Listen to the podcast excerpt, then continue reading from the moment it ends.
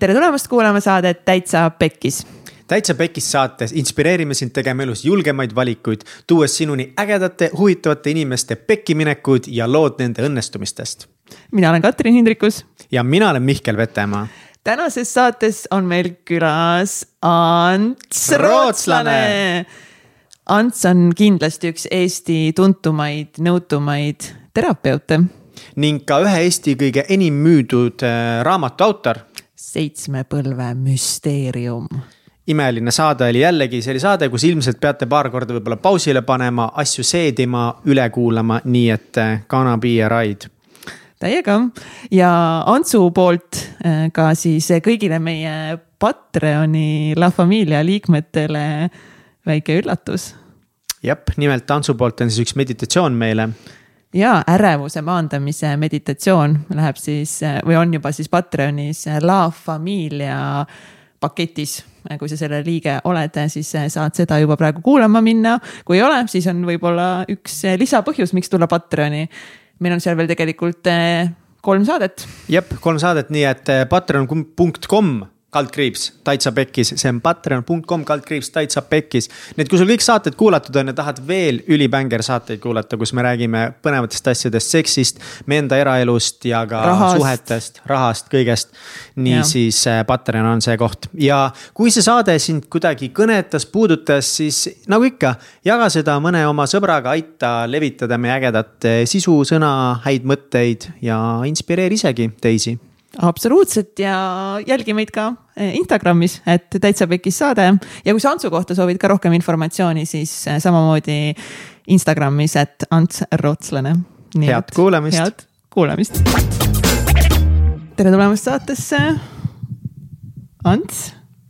tere, tere., ja hea meel on taas teiega olla siin. jah, juba kolmandat korda. siis Täitsa Pekis saates. ja tundub, et inimesed ei ole endiselt äh, väsinud, sellepärast et ma vaatasin enne siia tulekut äh, neid kuulaja, kuulajate numbreid mul ausalt öeldes tekkis endal ka hämming, et äh, noh, seal Youtube'is oli kakskümmend üks või kakskümmend kaks tuhat, SoundCloud'is ma ei tea, kui palju oli ja palju veel Spotify's, Spotify's oli. meil oli vist. kokku oli kuskil viiskümmend tuhat, päris, päris hullumeelne, järelikult ei ole vist vales kohas, inimesed tahavad midagi teada mm ja mul on täna nihuke tunne, et miks me ka siin oleme, et me võtame natukene, ma võtan nüüd saatejuhtimise kohe enda kätte, eks ju.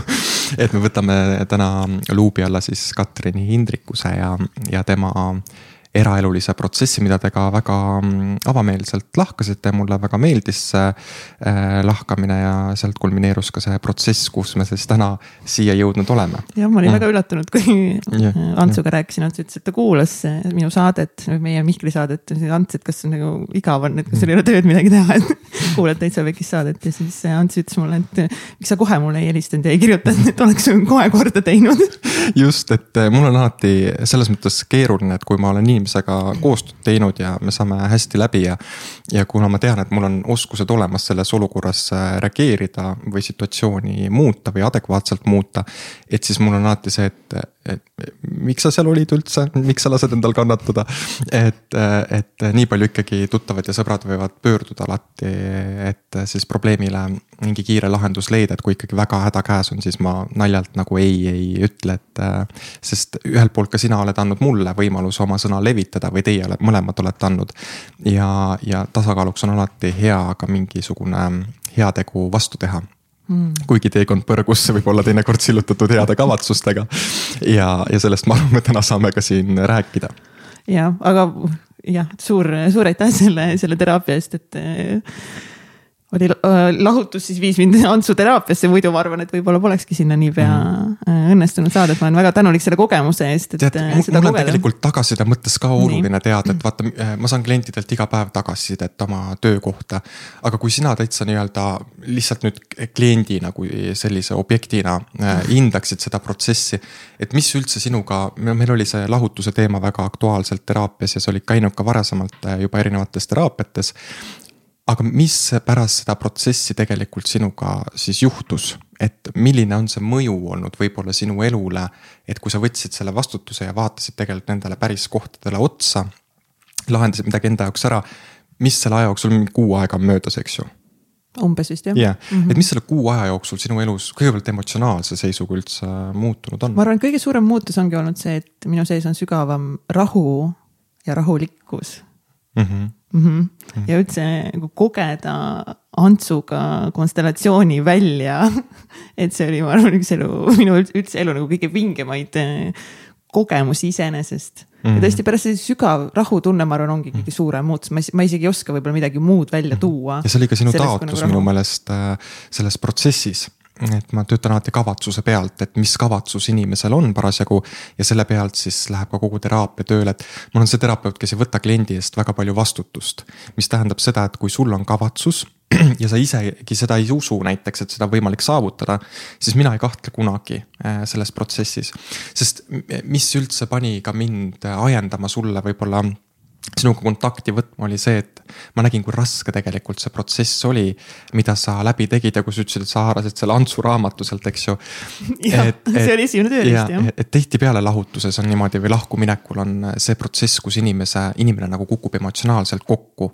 et kuigi ta võib aimata alateadlikult, et see protsess on justkui nagu õhus, aga konflikti puhul või selle sündmuse puhul me alati üritame seda vältida, et inimesed üldse konflikti puhul üritavad seda alati vältida. ja siis, kui ühel hetkel nii-öelda see varjatud pinge kulmineerub suureks, siis läheb see pauguga lõhki ja sinu puhul tuli, ma ei tea, kas ma võin nii avalikult. Äh, äh, lahata seda protsessi mm,. Äh, siis sinu puhul tuli ju tegelikult välja selle lahkumineku puhul sinu meelearengu tase. ehk siis, mis tähendab seda, et üks osa sinust äh, nii-öelda sinu meelest oli ehitatud siis partneri peale mis tähendab seda, et mul oli, äh, ma olin ehitanud partnerile oma baasvajadused nii-öelda temale nii-öelda projitseerinud turvatunne ja kõik muu sinna juurde. Ja nüüd, kui see partner ütles, et aga ma lähen minema, siis kukkus sinu isiksus nii-öelda justkui kokku. Ja see ongi see koht, äh, miks inimestel partnerlussuhetes üldse need pekki lähevad ja miks need probleemid tekivad, sest ähm, kui me projitseerime partnerile nii suure vajaduse sisse ja ta, ta, ainult tänu temale meie meel nii-öelda püsib, ehk siis mina inimesena püsin. siis äh, see teine partner võib hakata tundma ennast nii-öelda lämmatatuna või tunneb näiteks, et talt tahetakse liiga palju saada, aga ta ei saa nii palju anda ja samas sul ei ole vastu anda, sest sinu meel juba mm. niigi toetub tema peale. ja sealt tekib see nii-öelda pingekolle, äh, mis eskaleerub, kuni ühel hetkel ei olegi mitte midagi muud teha, kui partneril nii-öelda siis põgeneda ehk siis, et ta saaks uuesti nagu hingata ja tunda nagu seda kergust. ja see ei tähenda, et ta ei armastaks sind absoluutselt mitte. Äh, vaid pigem on see, et ta peab ennast säilitama et kui mina hakkan ära kaduma selles suhtes, siis, siis kaob ju ka noh, minu enda õnnetunne ja rõõmutunne ära. et ja see oli ka minu meelest üks selline põhilisi põhjuseid, mis teie siis sellest äh, partnerlussuhte lahku viis ja kui me mõtleme üldse lahutuse peale, siis minu meelest on see üks ägedamaid protsesse elus, ma loodan, et ma ei saa öelda, et ma loodan, ma elan ise ka selle kunagi läbi. aga ma olen seda klientide kõrval nii palju olnud, kes seda läbi elavad. ehk siis minu meelest see on üks eh, suurimaid arenguvõimalusi, ehk me peaksime alati sellisesse suhtekriisi suhtuma kui arenguvõimalusse. ja väga lihtne on ju siis, kui meil on teise inimese suhtes, ta on teinud meile haiget või jätnud maha, siis me ju, meil on nihuke huvitav komme et me muudame tihtipeale inimese niivõrd negatiivseks mm.. et me nii-öelda kitsendame seda inimese olemust ainult selle negatiivi peale. mis tähendab seda, et me hakkame endale maha müüma, et ongi nõme ja ta ongi tropp ja nii edasi.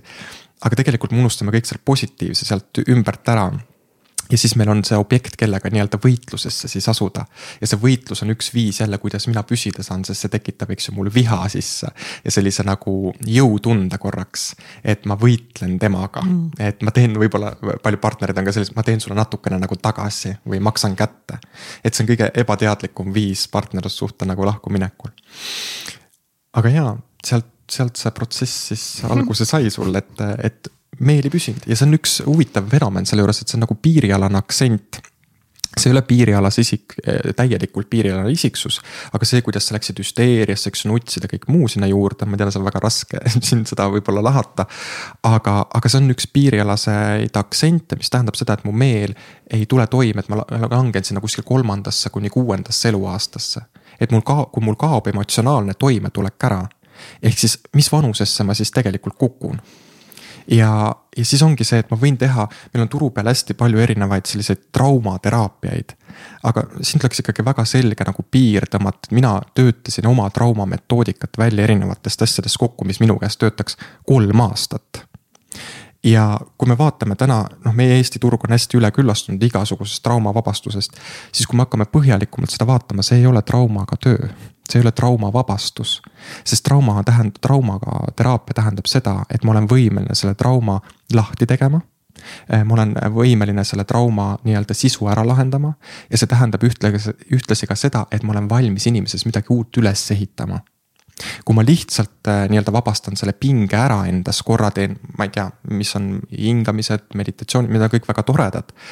aga kui ma selle pinge korra välja saan, see ei tähenda, et see trauma oleks kadunud vaid aja möödudes ma küll korra tunnen võib-olla nädal aega ennast rahulikuna või paar päeva, siis aja möödudes hakkab see pingekolle uuesti eskaleeruma ja tuleb uus olukord, situatsioon, mis trigerdab uuesti need emotsioonid ülesse. ehk siis meil on vaja see tuumkoht ära lahendada ja sinu puhul tuligi väga huvitavalt seal, eks ju, välja see, et ähm, sellised sisemise lapse osad, et me tõime sellised trauma osad, eks ju, turvatunne ja rahu ja et need tõime sinna nii-öelda. ja panime, panimegi välja, oligi enesearmastus mm turva, turvalisus mm, ja rahu, rahu ja, ja. Mm -hmm. ja siis ma läksin nende kohtade peale, kirjeldasin sulle, mis nende kohtade peal toimub, et meie turvatunne on tihtipeale, eks ju, varjutatud mingite negatiivsete tunnetega, rahu on tihtipeale varjutatud ärevusega. et siis kuidas selle bardaki alt sealt siis enda juurde nagu jõuda ja siis on nii oluline selles protsessis, et me teeme, üks protsessi fenomene tegelikult, kuidas saada kiiresti lahendus, on see, et me teeme nendest emadest-isadest, kes on sisuliselt nii-öelda lasknud meil tekkida sellel olukorral, aga nad ei ole süüdi, nad andsid parima. Me teeme siis teraapia käigus sulle turvalise ema ja isa sinu psüühikasse ja integreerime nii-öelda seda ema ja isa turvalist pilti sinusse, mille tõttu saavad tekkida nii-öelda introjektid ehk äh, mälutäpikesed äh, siis rahust, turvatundest, see on ka see, et sa lähed ema rolli ja võtad ennast nagu padjana sülle. ja see tekitab tohutu, sa võid ise jagada, mis emotsioon sul sellel hetkel oli, kui sa mäletad. mul ongi hästi huvitav, et Ants ei lubanud mul kaks nädalat siis jagada mitte kellegiga seda, mis seal, mis seal toimus ja ma jagan, ma jagasin ainult seda kohta, et me, mis, mis me sinna väljale nagu panime just eh, need, millest me rääkisime mm, -hmm. ainult seda kohta jagasin ja muud mitte midagi mm -hmm. jaganud. ja nüüd, kui mul sõbranna tuli alles mingi nädal, oh kuule, et nüüd on see aeg möödas, et räägi mm -hmm. nüüd, et mis te siis täpselt, mis te siis lahendasite. ja mul on mingi fuck, ma tegelikult ei mäletagi, ma mäletan mingeid tunde, mäletan, ma peksin seal patti, siis ma vahepeal karjusin mm, siis Ants oli mu ema, siis ma olin ise ema ema, siis ma isa, siis mingi, mingi kamma ja kogu aeg käis. ja nüüd, aga ma mäletan, et üks hetk tõesti, ma tunnen, nägin kuristikku ja kõik teevad mingit kuristikku. aga mis me täpselt rohkem tegime, tegelikult ma ei mäletagi, lõpus ma jäin mingi käed püsti ja nagu ja, ja I have no idea enam. mul tuli meelde, et Nii. sinu süsteemis oli selline huvitav äh, asi, et sinu süsteem töötas nagu tagurpidi et vaata, see oli see kuristik, mida sa nagu tajusid mm. -hmm. ehk siis äh, mitte, et sinu suguvõsast nagu ei tulnud ressurssi sinu vanematelt, vaid see nagu võttis ressurssi. ehk sa olid millegi suuremaga seotud mida sa olid siis võtnud lapsena, trauma üks väljendus on see, et ma lähen teenindama oma ema või isa vajadusi mm, eks ju äh,. see on ka see, mille pärast inimesed tihti läbi põlevad, et ma õpin seal selle teenindamise ära äh,. võtan hästi palju vastutust enda peale enda teadmata ja siis oma elus hakkan ka partnerilt, lastelt, tööle hästi palju vastutust võtma ja, ja see, see koht tegelikult tuli hästi välja, et see ressurss voolab sul kogu aeg minevikku ja see oli see kuristiku tunne. ja see, see on nagu niisugune nagu, kuidas ma ütlen mm,, nagu kanal, kuhu kõik voolab nagu ühte, nagu lehter. et sa üritad sealt välja tulla, aga ei õnnestu enne kui me oleme selle konteksti siis sinust ära eraldanud mm, -hmm. mis see, mis see siis sinus nagu neelab, mida sa enda peale nagu võtsid. ja siis on alles võimalik selle ema ja isaga nagu tutvustada, see on hästi keeruline kuulajale tõenäoliselt aru saada. aga, aga võib-olla kõige olulisem oligi see, et, et kui meil on meel piisavalt tugev, et kui me saame ikkagi need baastunded endasse integreeritud. siis meil ei teki sellist reaktsiooni lahkuminekul ja siis meil ei lagune ka need suhted nii kiiresti ära või sinna ei teki nii palju projektsioone sisse. kui ma ise enda baastunnetega nagu olen heas kohas, et kui ma olen ise nagu stabiilses kohas et praegu see, et teie läksite või lähete lahku, eks ju, või läksite või lähete, ma ei teagi, mis see on. Läksime lahku, lahutame abielu. lahutate, ehk siis tegelikult see on teile mõlemale suur arenguhüpe. et, et koos te oleksite üksteist hakanud hävitama ja, ja see on hea, et te sellesse kohta jõudsite ja te pidite selle viima nii kaugele lihtsalt, et see lõpeks sellise nagu pauguga ja teil oli vaja sellist, sest inimene ju ei hakka ennem muutust tegema, kui seda pauku ei ole ära käinud. et inimene jääb alati turvalisu, turva, nii-öelda turvalisele, turvalisusele siis lojaalseks, mis tähendab seda, et ma ei tee ennem ühtegi liigutust, kui asi täitsa pekkis ei ole. et kliendid ka ju, kes mhm. tulevad vastuvõtule, nad tulevad siis, kui kõik on täitsa pekkis aga mis ma siis teen, kui näiteks on juba vanem inimene, mitte vanem, aga kes, üle keskea. ja ta on kõik keha ressursid läbi küpsetanud. Ehk siis näiteks depressiooni puhul ka, kui ma töötan depressiooniga, siis ma ei hakka ennem üldse tööle, kui ma aru ei, ei ole saanud, kas kliendil on ressurssi noh, samalaadset tööd näiteks teha, nagu me sinuga teeme. et kui ma nüüd mõtlen, et oh, ma olen vinge näiteks konstellöör ja ma lahendan selle depressiooni ära, aga tegelikult ma ei taju seda, et kliendil on elujõupuudus, tal ei olegi ressurssi seda tööd lahendada siis, äh, siis juhtub see, et ta langeb veel sügavamasse kohta tagasi. ehk siis alati tuleb leida objektile, kes sinu ees istub, ressurss. See võib olla ükskõik mis, kasvõi sealt ruumist midagi, mis, mida, millest ta tunneks nagu seda, mis annab talle jõudu. see ressurss võin ka ajutiselt olla mina seal kolmnurgastatud äh, viise pidi. et, et see, see on jah see, et ähm, peaks nagu teadlikumalt suhtuma, et lahkuminek võtab siis sinu sügavamad kihid nähtavaks ja me võime olla poosetanud nii palju, kui tahame selle enesearenguga, me just jõudsime Jep. seal ka äh, seansil sinuga, et, äh, et me võime nende vaimsete teemadega tegeleda igasuguseid kõrgetes sagedustes olla. aga päeva lõpuks on see, et kas see on siis, ähm, et kui me näiteks ütleme oma elus, et ma tahan vabadust saada et noh, vabadus on lihtsalt selline nagu subjektiivne nagu filosoofia, eks ju, mingi mõte nagu vabadusest aga millest sa siis tegelikult tahad vabaks saada. et siis need köied vaata meie sees, et need nagu sõlmpunktid nagu vaikselt siis lahti lasta. ja ei pea minema nagu, mul e-, eile käis ka üks klient, kes üt-, noh, ta oli läbi põlenud ja ta oli käinud kõik kohad läbi. noh, tantralaagrites, joogas, kõik, kõik kohad. aga minu ees istus ikkagi nagu läbi küpsenud nii-öelda inimene, kes, kellel pole grammigi elujõudu ja ma ütlesin, see pea peal seismine ei aita lihtsalt, eks ju. et, et me peame midagi vaatama, mida, miks sa ei suuda oma elus nagu toime tulla, miks sa läbi põlesid. ma võin teile garanteerida, et me ei põle oma elus mitte kunagi läbi, kui me kanname oma elus ainult oma vastutust, oma lugu. läbi põleme me siis, kui me läheme oma ellu ja anum on juba täis. ja kui me hakkame oma elu elama, tuleb sinna anumasse veel sinu elu teemad, eks ju. pere, töö, laste eest hoolitsemine, mis iganes veel. ja see anum on juba täis siis see läbipõlemine toimubki väga kiiresti, sest minu kehal on juba nii suur pingekolle all olemas. see läheb hästi kokku sellega, et mm, nagu sina ühendusid lapsena mingisuguse looga, eks ju.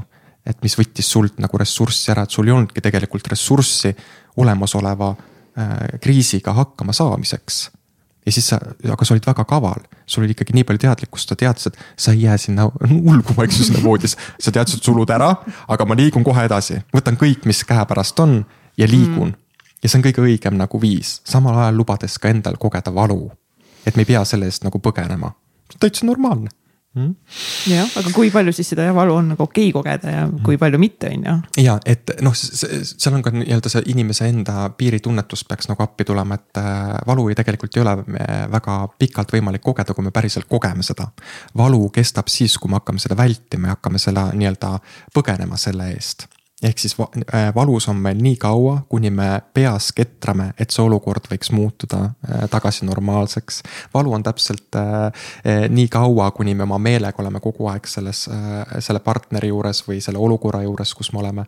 aga kui me võtaks selle valu lihtsalt enda sees korra, ütleks, aga ma olen valus ja ma luban küll, ma võin täitsa hulluks minna, ma teen selle kohe totaalselt nagu hulluks. ma vist olen teil podcast'is jaganud ka kunagi seda, et ma käisin ühe, ühel seminaril, kus räägiti välja tõrjutud tunnetest. ja siis ma mm, mõtlesin, ah, ma olen siin kolm korda käinud, et mulle see ei mõju enam, et ma, mul ei ole mingeid välja tõrjutud tundeid. jõuan õhtul koju, Ants hakkab kohe nutma ja tunnengi, et hakkan nagu nutma siis ma, ma olin kaotanud mingi kliendi, kes ei olnud jõudnud seansile ja siis ma tundsin ennast mõrvarina. ma müüsin ennast igast asju pähe ja siis ma ütlesin, okei okay,, aga siis nutame ja olemegi kurvad ja siis ongi pekkis. ja siis ma ulgusin ja ulgusin, ulgusin. lõpuks nagu ma tegin selle nii dramaatiliseks, mul hakkas endal nagu nii naljakas, et kas sa oled idioot peast või ja siis mul tulid naabrid äh, koju, kes olid purjus ja see naine oli ka niisugune piirelane isik, kes tahtis, naine äh,, hüsteerik ja kes tahtis, et mees talle peksa annaks, siis eks ju provotseeris teda. ja siis ma tegin akna lahti, karjusin, tapke ära ennast taktitund-, taktitundeline terapeut ja selle peale nad ehmatasid nii ära, läksid tuppa, mul hakkas nii naljakas. naersin ära ja hommikul läksin teraapiaid tegema ehk siis see on kiire viis valu kogemuseks, et ma teen selle hästi intensiivseks enda jaoks, aga samas ma pean ka vaatama seda, kas mu meel tuleb sellega toime et kas ma vajan mingit tugivõrgustikku sinna kõrvale, võib-olla ma vajan Mihklit, et kelle kõrval siis nutta, eks ju, et ta laseb mul olla. ma toon ühe isikliku elu näite, et ähm, mul on ka siin suvel olnud natukene keerulisem periood, mitte nagu, see ei ole väga dramaatiline lugu, inimesed tahavad hästi sellist Muidugi. draamat ja ma alati nagu vähendan seda draamat, sest mul adekvaatselt saan ju aru, mis toimub. aga mul üks äh, sõber üks päev ütles mulle täitsa oma seltskonnas, et äh, tead, aitäh, et sa oled olemas. saad aru, minus toimus selline reaktsioon, et ma mõtlesin, ma tahan ära põgeneda. ja see on väga kummaline. ja ma ütlesin selle välja, vaata, see on selline ruum, kus keegi ei solvu. ma ütlesin, mul oli vastik seda kuulata mm.. ma ütlesin, et mind tohutult nagu häirib, et, et ära ütle mulle niimoodi ja mul tõmbas sisikond kõik sees kokku. ja ma hetkeks ei saanud aru, et miks see niimoodi on, miks ma ei suuda, sõber ei tahtnud mult midagi saada, aga mul tekkis automaatselt tunne, et ta tahab mult midagi nüüd saada. sest vaata, kui inimesed üldjuhul mind tänavad siis neile on järgnenud sellele, et kuule, kas ma saaks raamatule autogramm, kas ma saaks vastuvõtuaega, kas ma saaks sellele küsimusele vastuse ehk siis mu meel on nagu loonud sellele, oli loonud nagu kaitsebarjääri. ja ma laiendasin selle ka oma sõpradele, et ma ei suutnud neid enam nagu terviklikult vastu võtta, et ma olin nagu seina taha ennast natukene peitnud. sest see elustiil, mis ma olen elanud, ongi väga intensiivne ja, ja muud moodi, kui ma oleks nii avatud südamega kogu aeg ja hästi ilus hing. siis nad lihtsalt nagu noh, siis nad kasutaks mind lihtsalt sada protsenti ära ja lõpuks must jääks midagi järgi. oli tekkinud psüühikal loomulik kaitse ja minu jaoks tähendas tänamine automaatselt seda, et ta tahab midagi saada. ja ma panin automaatselt ennast lukku. ja siis ta lubas mul olla. ei lubas, ütles, et ma jään selle juurde, ma ei taha sult midagi saada, aga ma tänan sind ja ta korrutas seda mul kõrval. ja ma mõtlesin, et kurat, jää vait ja siis ma olin, olin ja siis ma ühel hetkel tundsin, kuidas nagu keha pealt hakkas nagu mingisugune kiht maha voolama, siis ma täitsa pühkisin ja raputasin ennast kuni siis ma sulasin ülesse ja siis, siis ma sain aru, et mu meel oligi projitseerunud kogu selle, nagu ma tahan midagi saada ka kõikidele inimestele. ja siis ma eraldasin ära, okei okay, sõbrad, jätan rahule oma dünaamikaga, eks ju et võtan vastu seda, mida nad tahavad anda ja, ja neid kaitsed hoian seal, kus on parasjagu vajalik.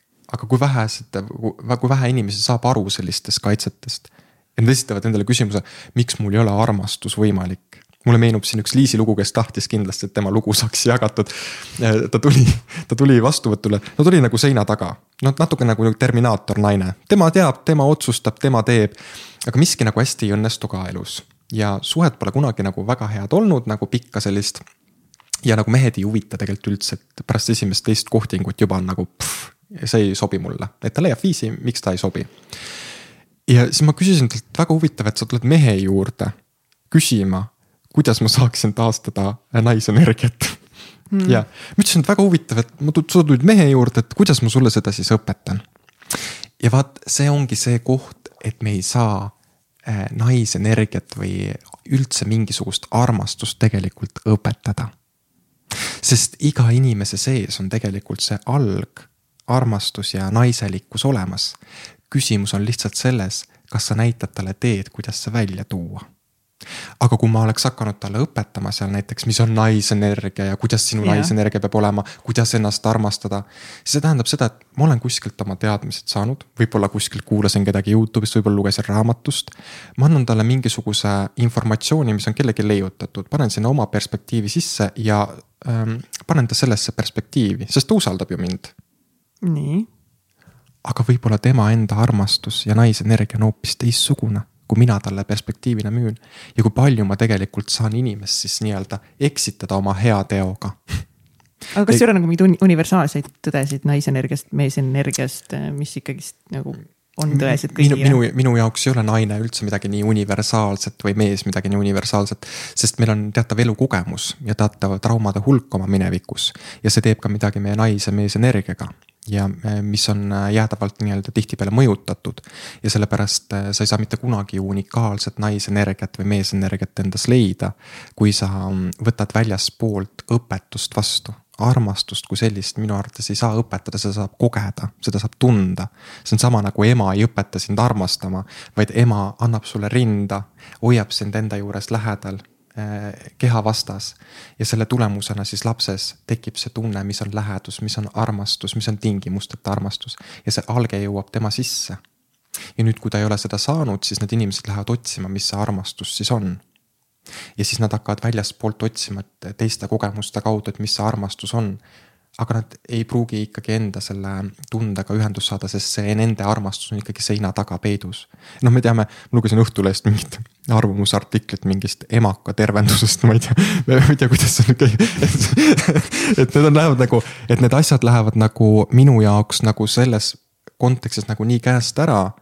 et seal leiutatakse nagu nii palju jalgrattaid asja peale, et needsamad inimesed, kes teraapiast tulevad, nad on kõik need asjad nagu läbi teinud et noh, aga kus see siis unistuste mees või, või, või see tunne minu sees on, et ma ei ole seda leidnud, ma võin selle korra selle tunde saada. Aga see on nagu, nagu narkotsi võtmine, eks ju, ma saan korra selle laksu kätte. aga kas see jääb ka minus püsima ja, ja kas ta on minus siis püsiv, kui ma kogu aeg pean sellega tegelema mm? -hmm. mõistad, ehk mm -hmm. siis eh, see ei ole see, et naisenergia peaks olema nii loomulik asi et ma ei pea selle, ma ei pea üldse ressurssi nii palju raiskama eh, selle peale, et seda iga päev hoida või nüüd järsku mõtlema hakkama, mida ma pean tegema, mis on naisenergias. see ajab meid hulluks. Meil on vaja sinu naisenergia või meesenergia tuua seina tagant välja. ja kui me toome selle välja ja ehitame seda ülesse sinus, seda teed mööda, kust see tuleb, mis on sinu suguvõsas naiste naisenergia. et paljudes suguvõstes ongi võimukas naisenergia ja kui ma nüüd ütlen sulle, et aga võimukas on hoopis meesenergia, siis ma ju loon automaatselt konflikti inimese, sest ta ei saa sellest kohe alguses aru.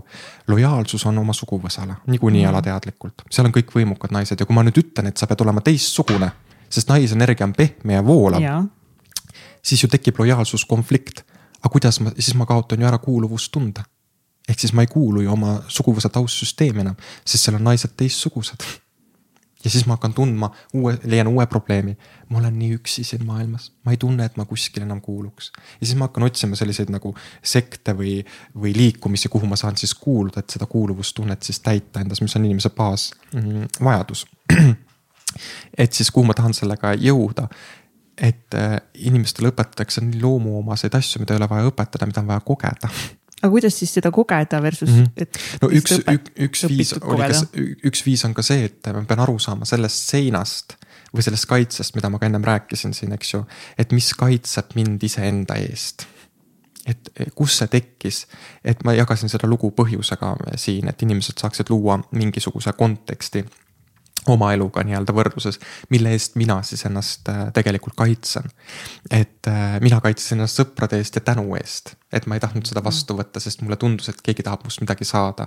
aga kui ma kaitsen ennast armastuse eest, et ma, mu meel kohe loob probleemi sellele inimesele, kui ma temaga tuttavaks saan, et ma mingil juhul ei lähe temaga suhtesse, sest tal on need, need, need vead.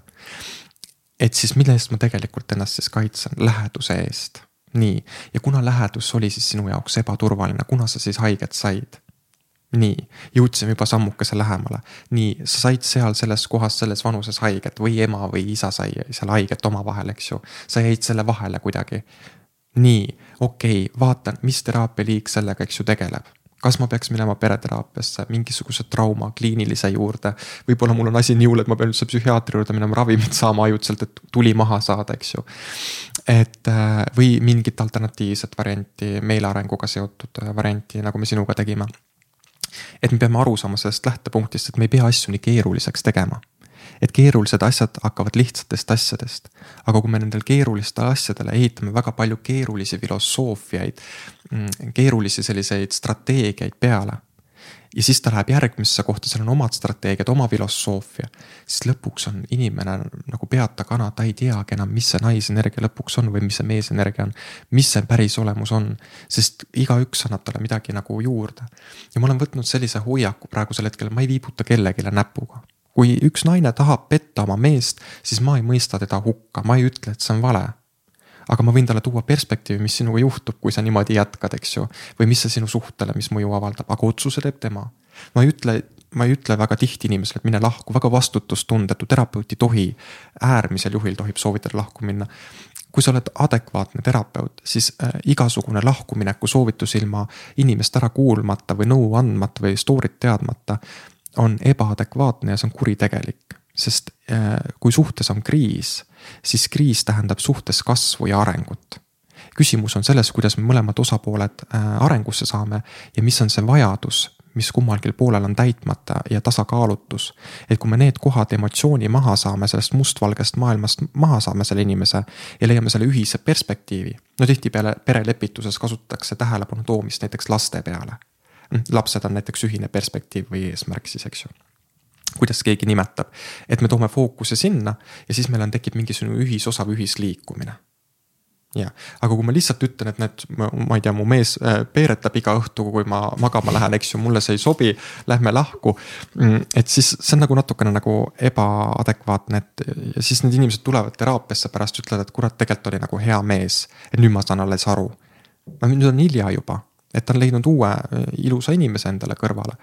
et, äh, et selle lahkuminekuga ei tasuks kiirustada, meil lihtsalt puudub teadlikkus partnerlussuhetest kui selliselt, et meil on palju küll räägitud sellest. aga et kui mul on suhtes kriis, see jätke ka kuulajad meelde, et kui mul on parasjagu suhtes kriis, siis see on arenguvõimalus ja nüüd on küsimus selles, kas minu partner on valmis ja kas sina oled valmis tegelikult vastutuse võtma ka endale sest nagu me sinu puhul ka nägime, eks ju, et suur vastutus oli sul ja temal oli ka oma lugu tegelikult, mida tema omamoodi lahendas, seda me ei tea praegu, eks ju. aga, aga me saime sinu loo lahendatud, mis tähendab seda, et sinul on kerge olla ja tegelikult tekib sul ka toetusfunktsioon nüüd oma endisele partnerile jah, mul on ju story korras, vaata ja, ja võib-olla tal on ka nagu chill, eks ju. ja see tähendab seda, et me saame sõpradena lahku minna, et me saame koos funktsioneerida, paralleelselt oma eludes ikkagi käia. et see ei tähenda seda, et me peame nüüd vihkama üksteist elu lõpuni. Vaid me võtsime vastutuse selles protsessis. et ja kui nüüd selgub näiteks protsessis, et partner on olnud vägivaldne Eh, ta ei taha tunnistada seda või on inimene pikalt emotsionaalse vägivalla all kannatanud. siis on tõesti see koht, kus terapeut peab seda märkama ja ütlema, et see ei ole normaalne. ja kui klient arvab, et see on normaalne ta tahab seal olla, siis tegelikult minu soovitus on ikkagi annan talle soovituse, et mine lahku. teinekord ma olen kasutanud ka paaride puhul provokatsiooni. kui ma näen, et kumbki ei taha koostööd teha, siis ma olen öelnud ühele või mitmele paarile näiteks niimoodi, nad on käinud koos ma ei ole baariterapeut, aga nad on tahtnud, et ma töötaks nendega. sest äh, nad ei ole kuskil nagu hakkama saanud, sest nad on väga keerulised olnud. ja siis see on lõppenud sellega, et ma näen, et arengut ei ole. et ma olen teinud kõik, mis on võimalik, pereterapeudid on teinud kõik, mis on võimalik. ja siis ma olen kasutanud seda provokatsiooni, et olen öelnud, et aga ühele partnerile, siis oleneb kas mehele või naisele, mine koju ja jäta siis ta maha. mine ütle talle näkku seda ja need kohad on kõik läinud selliseks, et kus suhted on muutunud imeliseks sellepärast, et me viime selle pinge maksimaalseni, eh, maksimaalse tasemeni. me teeme sinna provokatsiooni ja siis tuleb tegelik pilt välja, kas nad tegelikult tahavad lahku minna. või kui nad nüüd saavad aru päriselt, et see on nüüd lõpp, et siis tekib see mm, ressurss. ah fuck, parandame nüüd selle olukorra ära mm. ehk siis eh, suhted on hästi suur nagu selline mänguala, et seal tuleb hästi siidkinnastega töötada selleks, et, et sa ei satuks selles äh, partneri saatuslikuks osaks. mõistad, kui mina ütlen sulle ilma adekvaatset põhjust omamata lihtsalt, et no mees ei vastanud standarditele, aga sa ise valisid ta kunagi ju ehk siis ähm, et kui ma nüüd annan äh, partnerile, sellele inimesele nõu, et mine lahku, siis mina ju teen nende saatuse eest ennast vastutavaks mingis mõttes. mina otsustan, et sina lähed, sest ma ütlen sulle seda, et nii on õige ja see on väga ebaadekvaatne äh, lähenemine, sest asja ei tohiks olla, aga ma näen turul ka seda, et ma ei tea, inimesed käivad nõidade juures, nõiad ütlevad, et su partneril on teemon sees, see kunagi ei saa nagu õige, mis asja te ajate? Noh, teemonid võivad meie sees olla, me kõigil on mingi teemon, eks. Ju mm., kellel on hasartmängusõltuvus, kellel on mingi muu sõltuvus, pornosõltuvus, kui see on väga populaarne teema Eesti meeste hulgas, naised on hädas ja, ja pornosõltuvuse puhul, ma ei tea, ma räägin nii palju. Aga pornosõltuvuse puhul tõesti tekivad sellised äh, probleemid, et äh, erektsioonihäired, et mul ei tõuse enam. Et äh,, et sa pead äh, ka nii-öelda jälgima seda, et, et kui sa oled kuskil virtuaalmaailma ja see on ka üks ära nihuke põgenemise dünaamika. ehk siis, kui ma lähen pornosõltuvusse ja üldse, kes inimesed tegelevad väga palju, sorry, Epp Kärsin, ma väga armastan sind, aga inimesed, kes tegelevad väga palju naudinguga mis te arvate, mida need inimesed tegelikult otsivad? mis neil inimestel endal on puudu? esimesena mul tuli kuidagi turvatunne mm. -mm. no üks asi võib olla ka see, et ma ütlesin partnerilt, eks seda seksuaalsuse kaudu turvatunnet. aga tegelikult inimesed, kes äh, otsivad väga palju kogu aeg naudingut. Nad toituvad nii-öelda, nad saavad sellest nii-öelda selle rõõmutunde kätte. ja ma olen jälginud, mul tekkis üks filosoofiline mõte üks päev. Mm, me hüppame nüüd teemalt teemale, aga ma loodan, et kuulaja handle ib selle ära et väga paljud äh, ka niisugused vaimse maailma tegijad töötavad, see on aastaid juba niimoodi, töötavad seksuaalenergia pealt. no ma lihtsalt olen jälginud seda, eks ju, et nad äh, rõhutavad seda seksuaalenergiat ja seksuaalenergia on see, mis on kütkestav, mis tõmbab inimesed võrku. ma, ma hakkasin mõtlema siis, et kas ma olen ka kunagi nagu töötanud äh, seksuaalenergiaga, ma olin kaks aastat üldse munk muide mul ei olnud mingit nagu vajadust, ma ei tea, see olgu ka öeldud ja, ja okay. et, et ja siis on see, et mul tekkis küsimus, kas neil inimestel nagu vaata see kuppel ei ole lahti löönud, et nad saavad siis selle nii-öelda info ja selle energia kätte siis selle, et nad, kui inimene, kes toitub seksuaalenergiast ainult. Need inimesed on natuke nagu on energiavampiir, nad on ise defitsiidis mis tähendab seda, et neil on endal energiat nagu puudu, nad vajavad, eh, see seksuaalenergia on kõige parem viis eh, nii-öelda manipulatsiooniks. Et kahte energiat alati ka pidage meeles, et on glamuur, mis on kõige ohtlikum eh, nii-öelda võrku meelitamine Mm, paljud avaliku elu tegelased satuvad alguses glamuurilõksu, ehk siis see tähendab seda, et äh, kõik tundub nagu nii fantastiline fassaadi all. aga kui sinna sisse lähed, siis see on tegelikult energiat sööv.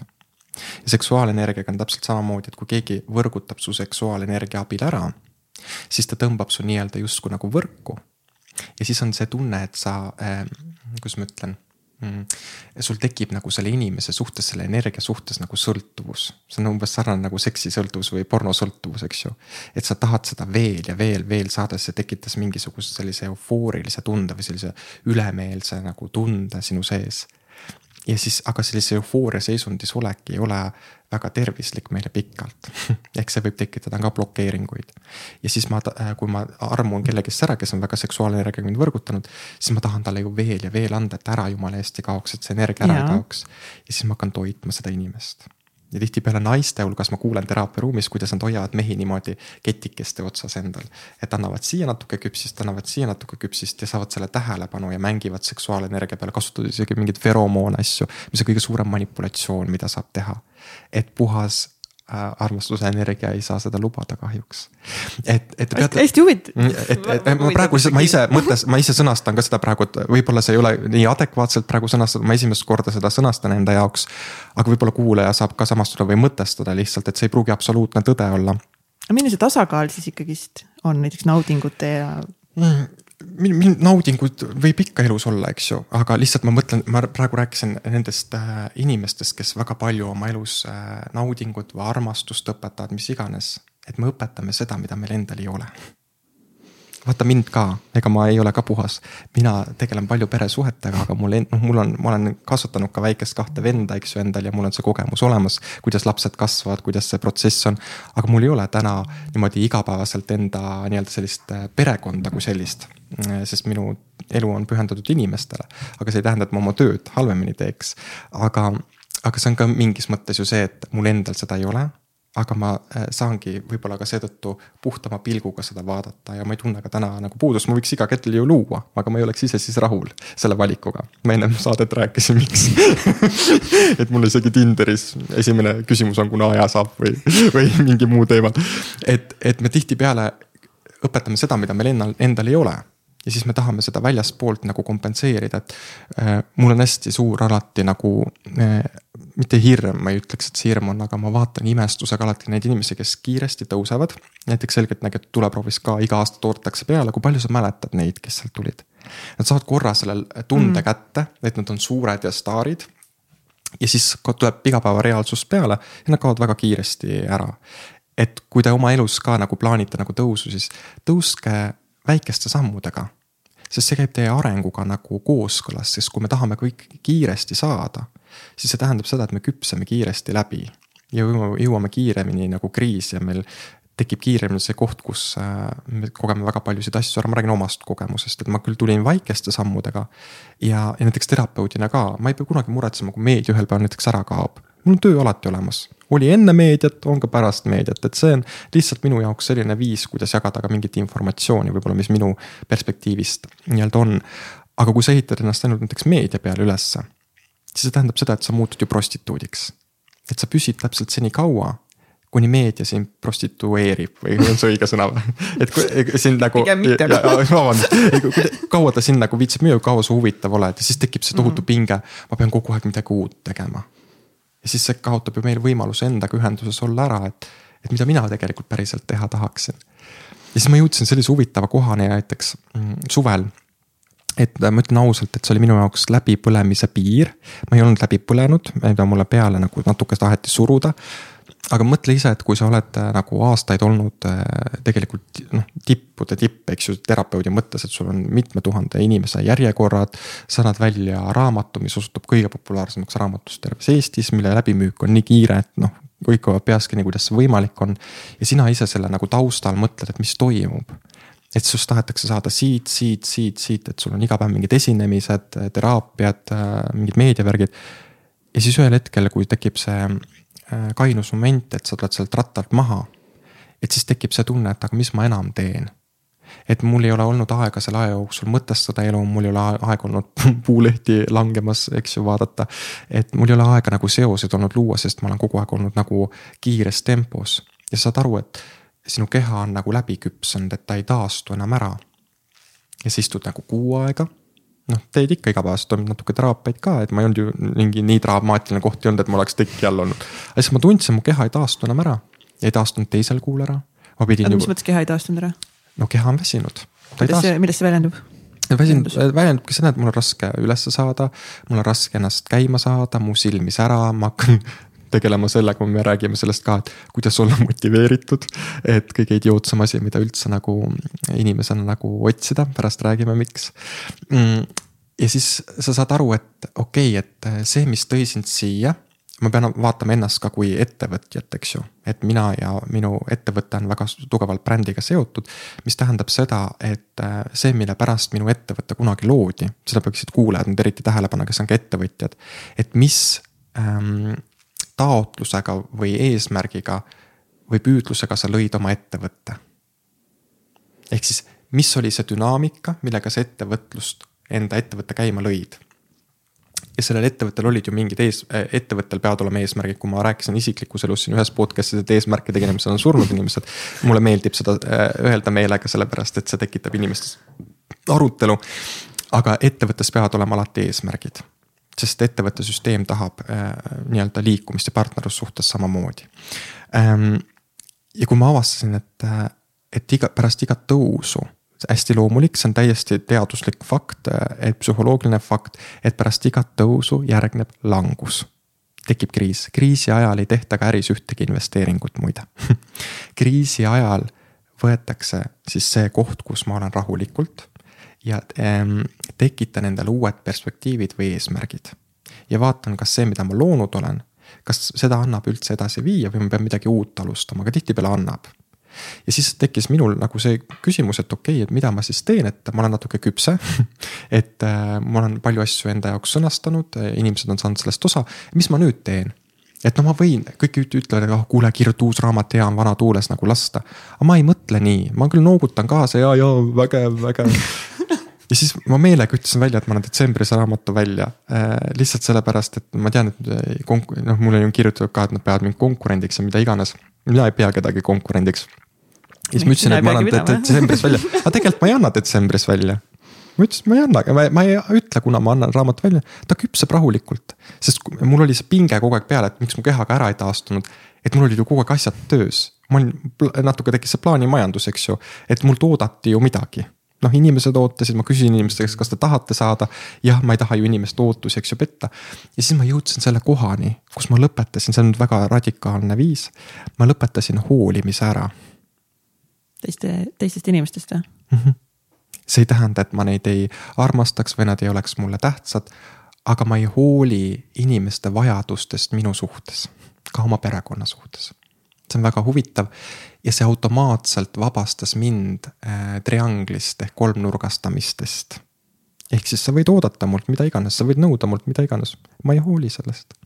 mina olen ikka olemas. mis asi on kolmnurgastamine? kolmnurgastamine on see, et triangliks nimetatakse seda, et noh, ma toon näite, et meil sinuga, Katriniga tekib siin konflikt, eks ju ja, ja siis äh, Katrin küsib sinu käest nõu, saab selle nõu äh, ja siis me vahepeal lahendame oma teema ära. Ja siis äh, lõpuks oled sina süüdi üldse, et sina andsid kehva nõu ja sinu pärast olime tüllis, unustades üldse ära, miks me omavahel tülli läksime näiteks. et ja, et samamoodi perekonna poolt, et äh, vahepeal nad tekitavad niukseid alateadlikke nagu sidumise viise, et äh, panevad sulle mingit vastutust, mis ei kuulu sulle mm. -hmm. ja kui sa nüüd väga hooliv oled ja väga niukene tahad nii olla, eks ju, et siis sa võtad ju hea südamest kõik vastu. Aga heateod ei pruugi alati jääda ilma karistuseta. ehk siis hoolivuse all ma mõtlen seda, et ma ei hooli inimeste nõud, nõudmistest ja vajadustest minu suhtes. ma saan alati seda pakkuda, kui ma oma kohaloluga juba.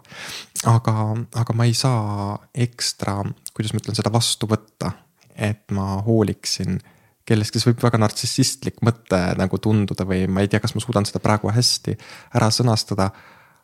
aga mulle läheb korda see, kui inimene läheb iseendale korda ja see inimene, kes iseendale korda läheb. et ma ei pea temast otseselt hoolima, vaid ma võin teda lihtsalt armastada ja vaadata, las ta hullab ja möllab. klientidega samamoodi, kui ma nii väga hoolida tahaks, siis ma võiks ju ähm, üritada sind päästa kuidagi veel paremini teha ja suruda sulle peale, kuule, teeme ikka selle ära, teeme ikka selle ära. ei, mis sa ise tahad, võib-olla sa tahad natukene üldse arengut praegu ma ei hooli nii palju sinust, et sa, et ma peaksin sulle seda täit pagasit peale panema, sest see looks automaatselt min-, minust kurjategija.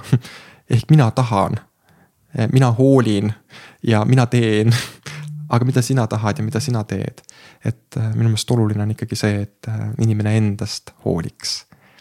ja, ja see on ka see individualismi osa, et, äh, et kui ma olen individualist, siis see tähendab, et see on mina ja on ka maailm ja see ei ole mina ja maailm, vaid mina ja on ka maailm. ja ma olen selles maailmas kuidagi, liigun ringi. aga, aga ma ei taha olla kolmnurgastatud ja kuidagi on elu nüüd mulle mänginud niuksed nagu sõbrad kätte, kes ei kolmnurgasta mind. me saame kokku, me oleme olemas aga me ei vaja seda, et ole mul telefoni kaugus, kuule nüüd on pekkis, kuule ja siis ma koorman üle. varem tegin seda ja siis ma ütlesin sõbrale ka, et kuule natuke halb on vist see, et ma niimoodi nagu kurdan sulle, ei ole, ei ole, aga ma näen tegelikult, kuidas see mõjutab, see minu vastutus aru saada, et. tegelikult jah, mu sõbra, sõber võibki olemas olla, et mu muret kuulata, eks ju. aga, aga ma vaatan enda arengut, siis mul, ma tegelikult saan ise hakkama või siis mu sõbrad on sellised, kes lasevad kõrvast sisse või kõrvast välja mm., aga nad on olemas aga nad ei tee seda lugu enda omaks. Nad ei võta pooli, teinekord ka ei võta seda poolt, mida ma tegelikult survestan alateadlikult et nad on tegelikult sarnased, nad ka ei, nagu ei hooli otseselt. et mul üks sõber lasi mul väga kriitilises olukorras kunagi, ütles, et ma nägin küll, kus sa oled, aga ma vaatasin, kuhu poole sa siis lähed, et kas kukud kokku või ei kuku ma ütlesin, su, su, see oli nii äge, et ta, ta ei surunud oma hoolivust peale ja ma ei tea, kas ma sain selle äkki kuidagi nagu lahti mõtestada, et see ei tähenda seda, et ma oleks külm inimene või ei oleks soene, minu armastus inimeste suhtes on alati piiritu. aga, aga selleks, et ennast säilitada või ennast hästi tunda, lihtsalt ma tulin kolmnurkadest välja. mind ei huvita äh, otseselt äh,, kui keegi on kogu aeg hädas. et ma võin äh, teda toetada läbi oma töö, see on roll aga nagu me ka siin saate alguses ütlesime, keegi tegelikult ei tea minust mitte midagi lõppkokkuvõttes. ei tea. jah, sellepärast, et kui nad teaksid, siis oleks võimalik mind rohkem kolmnurgastada. siis oleks mind võimalik rohkem saagida. et aga äh, kui ma teen oma tööd, siis ma olen ka teatavas rollis. mis tähendab seda, et see roll äh, kaitseb mind ka selle maailma eest, mis ei ole nii ilus. ja pidage meeles, et me oleme siin saates ka rääkinud egost, eks ju et äh, ego on ju loodud meile põhjusega, et meil oleks mingisugused normaalsed kaitsefunktsioonid, on ka superego olemas, mis ei ole nagu terve ego, mis ongi see, et ma olen võll, vaata, ma sõidan Lamborghiniga ja minu isiksus väljendub selles, mis mul seljas on, noh. ja et äh, välimus on väga oluline selle juures, aga, aga et need on need üle, need, kes rõhutavad oma välimust nagu üle. et see superego väljendub nende välimustes, autodes ja kõiges muus, et mul peab kõik hästi vinge olema, et siis ma olen nagu väljast ilus. nagu selline pakend, see nagu kaitse selle eest, mis mu sees tegelikult toimub. et need asjad saavad ka tasakaalus olla, et mul ei pea kõik kõige vingem olema Ah, küsige ka vahepeal midagi, muidu läheb monoloogiks ära ma lähen nii hoogu vaata. ja muidugi, eh, minul on küsimus, et aga Kats, mis on siis nagu peamised muudatused veel pärast selle ühe kuu jooksul, et on mingid asjad pärast Antsuga kohtumist, mida mina olen sinust täheldanud. ja mis on nagu ka, ma ei saa öelda, kas see on sellest tulnud, et sa kohtusid Antsuga või see on jällegi nagu üks asi sinna nii, veel juurde. nii, mis sa siis oled täheldanud? ei, ma tahan kuulda sinu perspektiivi enne täpsusta küsimust. küsimus väga täpne, mis on selle kuu aja jooksul veel muutunud sinus pärast Antsuga kohtumist? ma arvan, et see ongi, ma arvan, see on juba päris suur muutus, kui ma tunnen enda sees sügavamat rahu ja mhm. rahulikkust, et ma arvan, et sealt ei olegi vaja rohkem tuua okay. midagi veel, mis on muutunud mm, -hmm. ma arvan, et see on väga suur see protsess muutus. kestab veel pool aastat mm -hmm. kuskil mm. -hmm. et äh, selle protsessi oluline oli see, tegelikult on kõige olulisem ju see, et inimene toimetulek oleks taastatud mm. -hmm. et äh, eneseareng ei tähenda lõputult seda, et sa pead kuskil teraapias käima ja ennast briljandiks lihvima lõpuks ära, et kellel ei ole ühtegi probleemi et normaalne kurbus käib eluga kaasas, mul peab olema lihtsalt toimetulek oma emotsioonidega toime tulla. ja mis tähendabki seda, et kui me saavutame näiteks sinu sees sellise stabiilse nagu rahufooni ehk siis su keha oskab ennast ise olukordades rahustada ja emotsioone nii-öelda, emotsioonidega toime tulla, siis see on ju väga hea. mis tähendab seda, et ja. inimeses on mingi arenguline hüpe toimunud ja see mõjutab kõiki tema eluvaldkondi. täiega, see ongi see, kus mm. isegi tahtsingi veel nagu välja tuua, et, et ongi, et see rahu, mida, mis nagu sinus on tulnud.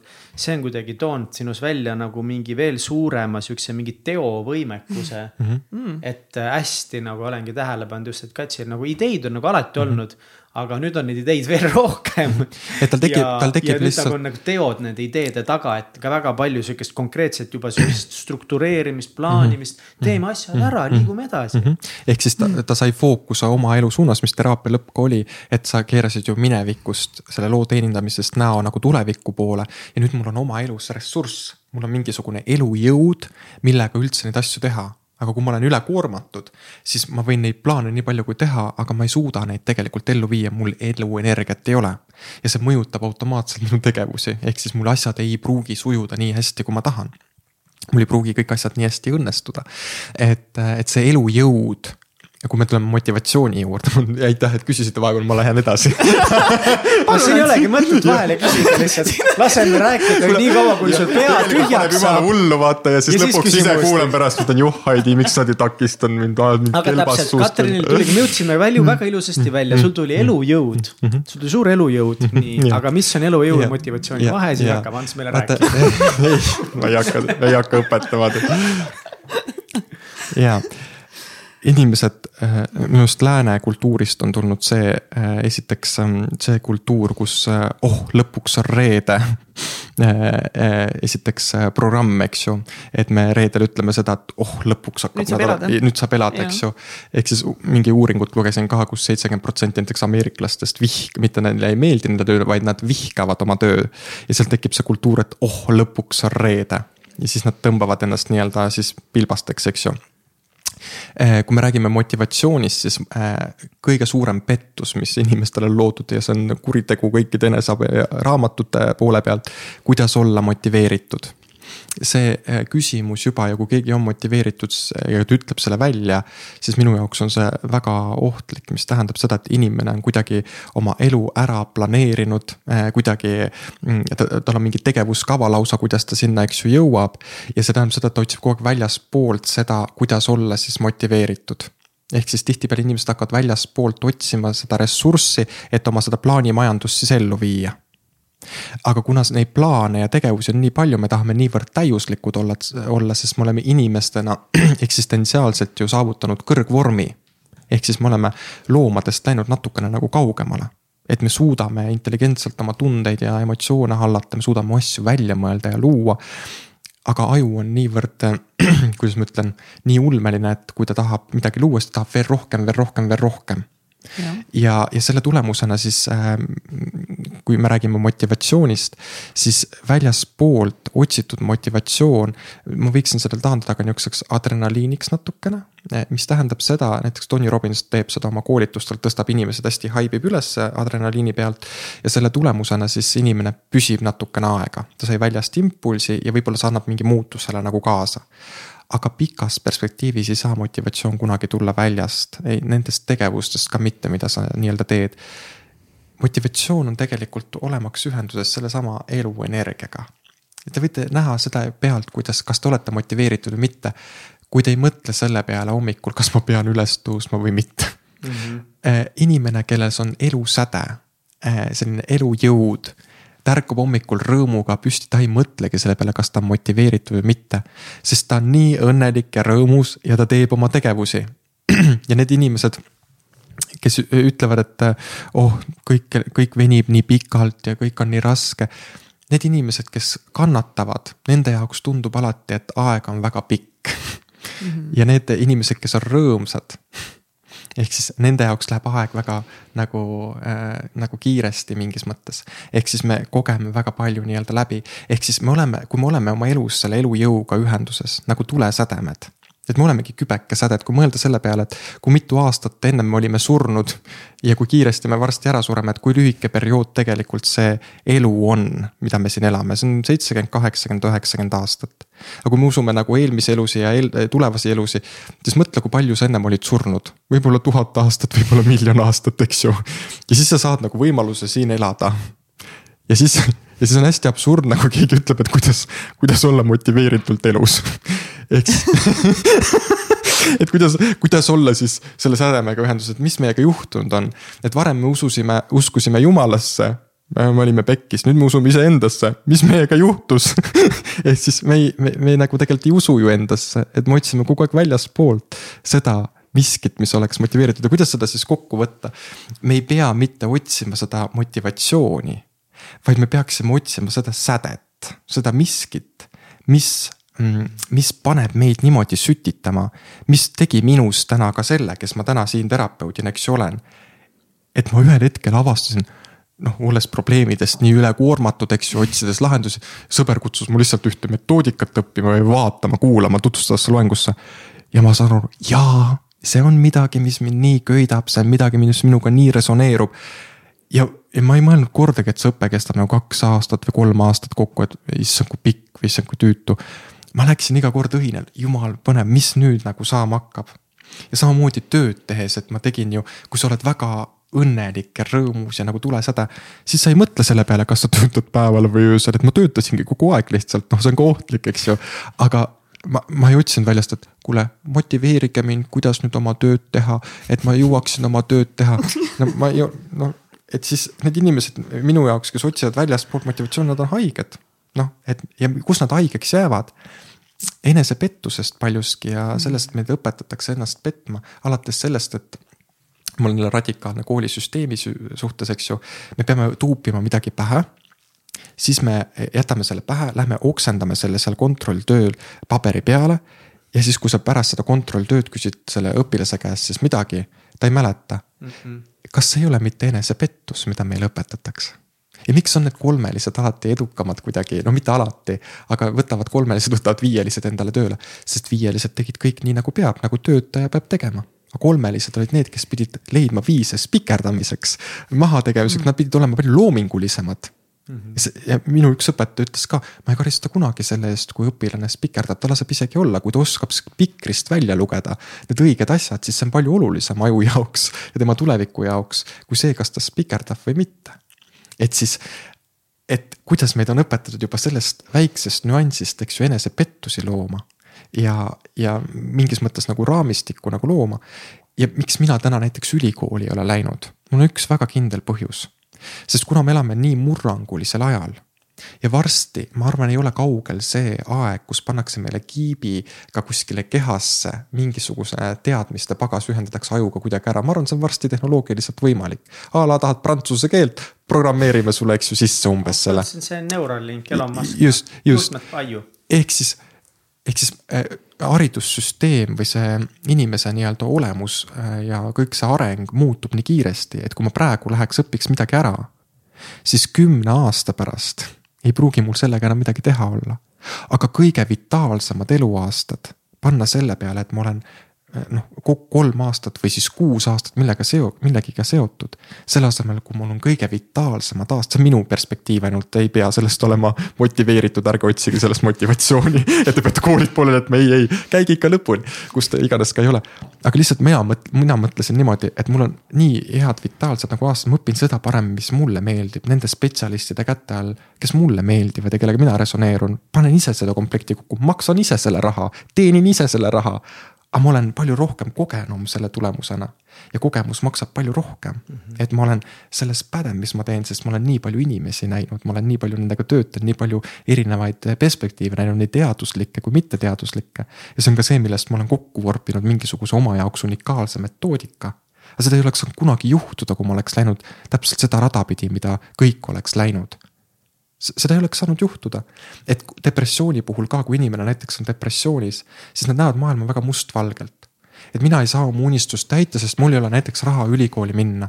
aga mul ka ei olnud et ma käisin gümnaasiumi kõrvalt küll tööl, aga noh, ma sain aru, et mul ei jätku nagu sellest, et enda ülevalpidamiseks ja mu vanematel ei olnud sellel hetkel võimalik nii palju finantsiliselt mind toetada, eh, sest mu nõudmised on kogu aeg nii suured olnud. et ja, ja siis ma otsustasin, et elu ise otsustas tegelikult, et ma olin noorpoliitikas, ma tegin müügitööd. et elu ise viis mind nende praktikateni ja läbi ka nende annete, mis mul juba tegelikult sünnist saadik olid.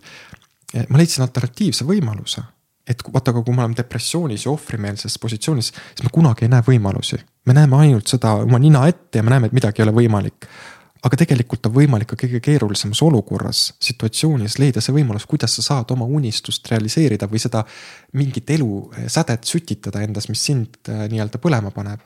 ja kui ma nüüd teeks seminari, et kuidas leida oma anne, siis ma oleks jälle kurjategija. kuidas mina tean, kuidas teie oma ande leiate, pead proovima ja katsetama, ei ole vaja müsteeriumit igastases teha, ei ole vaja traumast müsteeriumit teha, ei ole vaja andest müsteeriumit teha. et lihtsustame elu nihukeste baasvajaduste peale. et esimene asi, baasvajadused täidetud, rahu, rõõm, turvatunne mm,. väike seksuaalne kogemus, eks ju, kõik tasakaalus. ja, ja siis saame juba edasi vaadata, et, ähm, et need perspektiivid peavad olema jah sellised, et ma tean, et meil tahetakse, meil moraaliüngrid tahavad peale suruda, et noh, kõik peavad ühtemoodi nagu olema, sest kui keegi on teistmoodi, see on ebaturvaline. aga mulle meeldis hästi Senja Fohkini see lause, ma kuulasin seda podcast'i ka, mulle väga meeldis see. et kellegi teise arvamus ei maksa minu arveid mm, -hmm. noh geniaalne, eks ju. et ja kui ma vaatan Eestist väljapoole või suhtlen Eestist väljapoole, siis võrreldes ka näiteks meie ühiskonda ja Austria ühiskonnaga, kui intelligentsed inimesed seal on, aga samas ka väga raamis konservatiivsed ja seal on väga palju nii-öelda usulist mõjutust inimestel sees. aga kui ma vaatan mei-, mei-, meil, mis toimub, eks ju, inimesed on niuksed kurjad, õelad, mitte kõik, aga väga paljuski loobitakse meid üksteist üht kordamööda virtsaga nagu üle ja siis, siis mõtled, mis teiega toimub, eks ju, et ma, ma ei saa ju seda isiklikult võtta, et äh, kui, kui te virtsaga nagu loobite, et te olete. just need on need inimesed, kes on oma perspektiivi nagu kaotanud elus. et nad näevad, et keegi on seda teinud. jah, võib-olla neile see ei meeldi, kuidas ta seda teeb. aga nad tunnevad ikkagi enda sees seda pitsitust, ah fuck, mul ei ole nii hea elu aga ma ei ole teinud ka midagi, ma olen Delfi kommentaariumis või Elu24 kommentaariumis ja kirjutan, kui nõmedad kõik on. minu arust Brigitte Susanne Hunt on selles suhtes fenomenaalne, kuidas tema suudab inimesi peegeldada nagu selles suunas nagu kõige ägedamalt, et. et, ta võib midagi täiesti jaburat välja öelda, eks ju, ja sa näed, no kuule, mis see sulle nii korda läheb, Brigitte Susanne Hunt nüüd ütleb niimoodi. ah, see tõmbab kõik nagu käima täiesti ulme, eks ju, ja mis arengutaseme juures me siis oleme. et kui mind suudab juba Brigitte Susanna Unt oma väljaütlemisega niimoodi nagu närvi ajada, mis su enda elus siis toimub? Et, et äh, vaes-, vaesed lähedased sul, ma ütleks, või siis sa elad seda hoopis välja tema peal, eks ju. Et endast rääkimata, et see on huvitav jah. No ongi, et kui mitte õpetada, kuidas nagu leida seda või nagu võib-olla üks asi, mis inimesi ikkagi tagasi hoiab, on nagu teatud määral nagu hirm, et jah, sa ei saa kellelegi lõpetada, mis on sinu tee mm -hmm. või kuidas mm -hmm. leida oma anne mm, sest muidugi igal on oma mm tee. aga nagu mulle tundub, inimesed vist ei julge otsima minna isegi mm. -hmm. nagu, et ma arvan, et kõik noh, nii paljud teavad tegelikult intuitiivselt, et kuhu nad peaksid mis suunas peaks vaatama mm. -hmm. tegelikult nad tunnetavad, et okei okay,, ma peaks sinna suunas midagi vaatama minema, aga nad nagu noh. aga mine siis nüüd noh mm -hmm hakka minema sinna metsa. Aga küsimus ongi selles, et ärme proovi äh, maailma muuta, et äh, minu arvates on kõik need inimesed jälle. paneme saate kinni. ei, ma ei vot see on nagu teatud kuritegelik vorm, eks ju, ma tahan, et kõik inimesed terveneksid. mis mul sinu tahtmisega peale hakkab, aga ma tahan seal sõnnikunnikus olla praegu. et mm, -hmm. et kui ma teraapias ka vaatan, siis ega kui me tegelikult jõuame päris selle kohani, et nüüd peaks muutuma, siis aju on meil organiseeritud sellele, et ta säilitaks vana ja et ta hoiaks sellest vanast kinni, isegi kui see on raske. ja meie meel on tihtipeale üles ehitunud hirmule ja kannatusele, sest me kogesime seda lapsena. meie mõistus saab aru, et see on ebaadekvaatne, räägib, et ma ei taha, ma tahan sellest olukorrast välja saada. aga alateadlik meel tunneb turvaliselt ennast, sellepärast et kui ma lapsena kogesin seda, et kõik oli pekkis. siis oligi minu turvaline keskkond, ma kasvasin selles, minu meel arenes välja sellises keskkonnas. et ja sealt tekivad ka nii-öelda hirmud, eks ju, et miks me ei lähe Äh, tegevusse. ja, ja uskuge mind, et äh, kui me paneme sellise pinge endale peale, et esitame endale küsimuse, miks nad siis ei lähe, et me võime ju tõugata neid. jätke need inimesed rahule, laske neil olla. et nad ei ela kuidagi valesti oma elu, aga nad elavad sellist keskpärast elu ja see on nende valik jah, nad võivad äh, tahta palju rohkem, aga sa pead aru saama ka sellest, et kui inimene küsib sult, et kuidas saada kiiresti rikkaks, kuidas saada kiiresti edukaks, siis see on juba väga ebaintelligentne küsimus sest näitab seda, et inimene ei ole valmis pühenduma ja panustama, vaid ta tahab saada nahaalselt kõike kiiresti.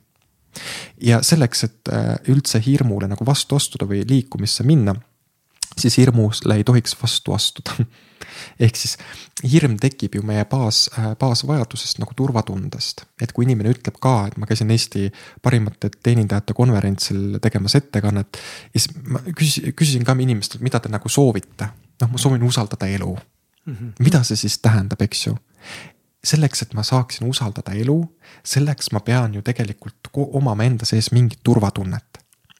ja nüüd, kui ma tahan elu õigesti elada tahan, nüüd ma tean, ma tahan seda ja võtan sellest kümne küünega kinni ja tahan sinna jõuda, siis ma ju proovin elu kogu aeg elada õigesti. no mõtle, kui suure pinge see meile peale paneb, kui me proovime kogu aeg elada õigesti. selles suunas, et noh, mis on õige, mis ma olen oma peas olen välja mõelnud, aga ma võin teile garanteerida, elu ei lähe kunagi, mitte kunagi nii, nagu sina tahad elu teeb alati väikse vingerpussi sisse. sellepärast ei ole mõtet elu ette planeerida et äh, ja selle hirmust ületulek või hirmule vastu astumine. ma ütlen ausalt, et äh, kui keegi teaks sellele vastust, siis oleks juba leiutatud ja kõik juba toimiksid selle põhjal, ma valetaksin, kui ma ütleksin, et ma teaksin seda. Sest hirm on täiesti loomulik nähtus, hirm on meie nii-öelda, nii-öelda sisemuses täiesti olemas kõigil kaudte olukordade ees. minul täna on küllaltki võrdlemisi vähe hirmu, aga ma olen ka taibanud näiteks ühte asja enda puhul, ma jagan võib-olla oma konteksti, et mul tekkis mingil hetkel sotsiaalhirm, mitte sotsiaalärevus, aga sotsiaalhirm. Et, kui ma söön, et keegi vaatab mulle suu sisse ja, või teeb pilti või, või et ma ei saa mugavalt ennast kuskil tunda, et siis mul tekkis nagu sotsiaal selline väike nagu ärevus, ma tunnen ebamugavalt ennast. et keegi kogu aeg jälgib kuskil. jah, et keegi kogu aeg jälgib, et sa oled kogu aeg nagu natukene nagu jälgitud ja see on okei okay,, eks ju, aga kui ma Austriasse lähen, läheb see kohe ära ehk siis ma ei pea seda kuidagi ravima hakkama, sest mu elukutsega minu talutav frustrat-, frustrat-. frustratsioon. Paneb meele arenema mu sõnad vabandust, ei oska rääkida ka enam.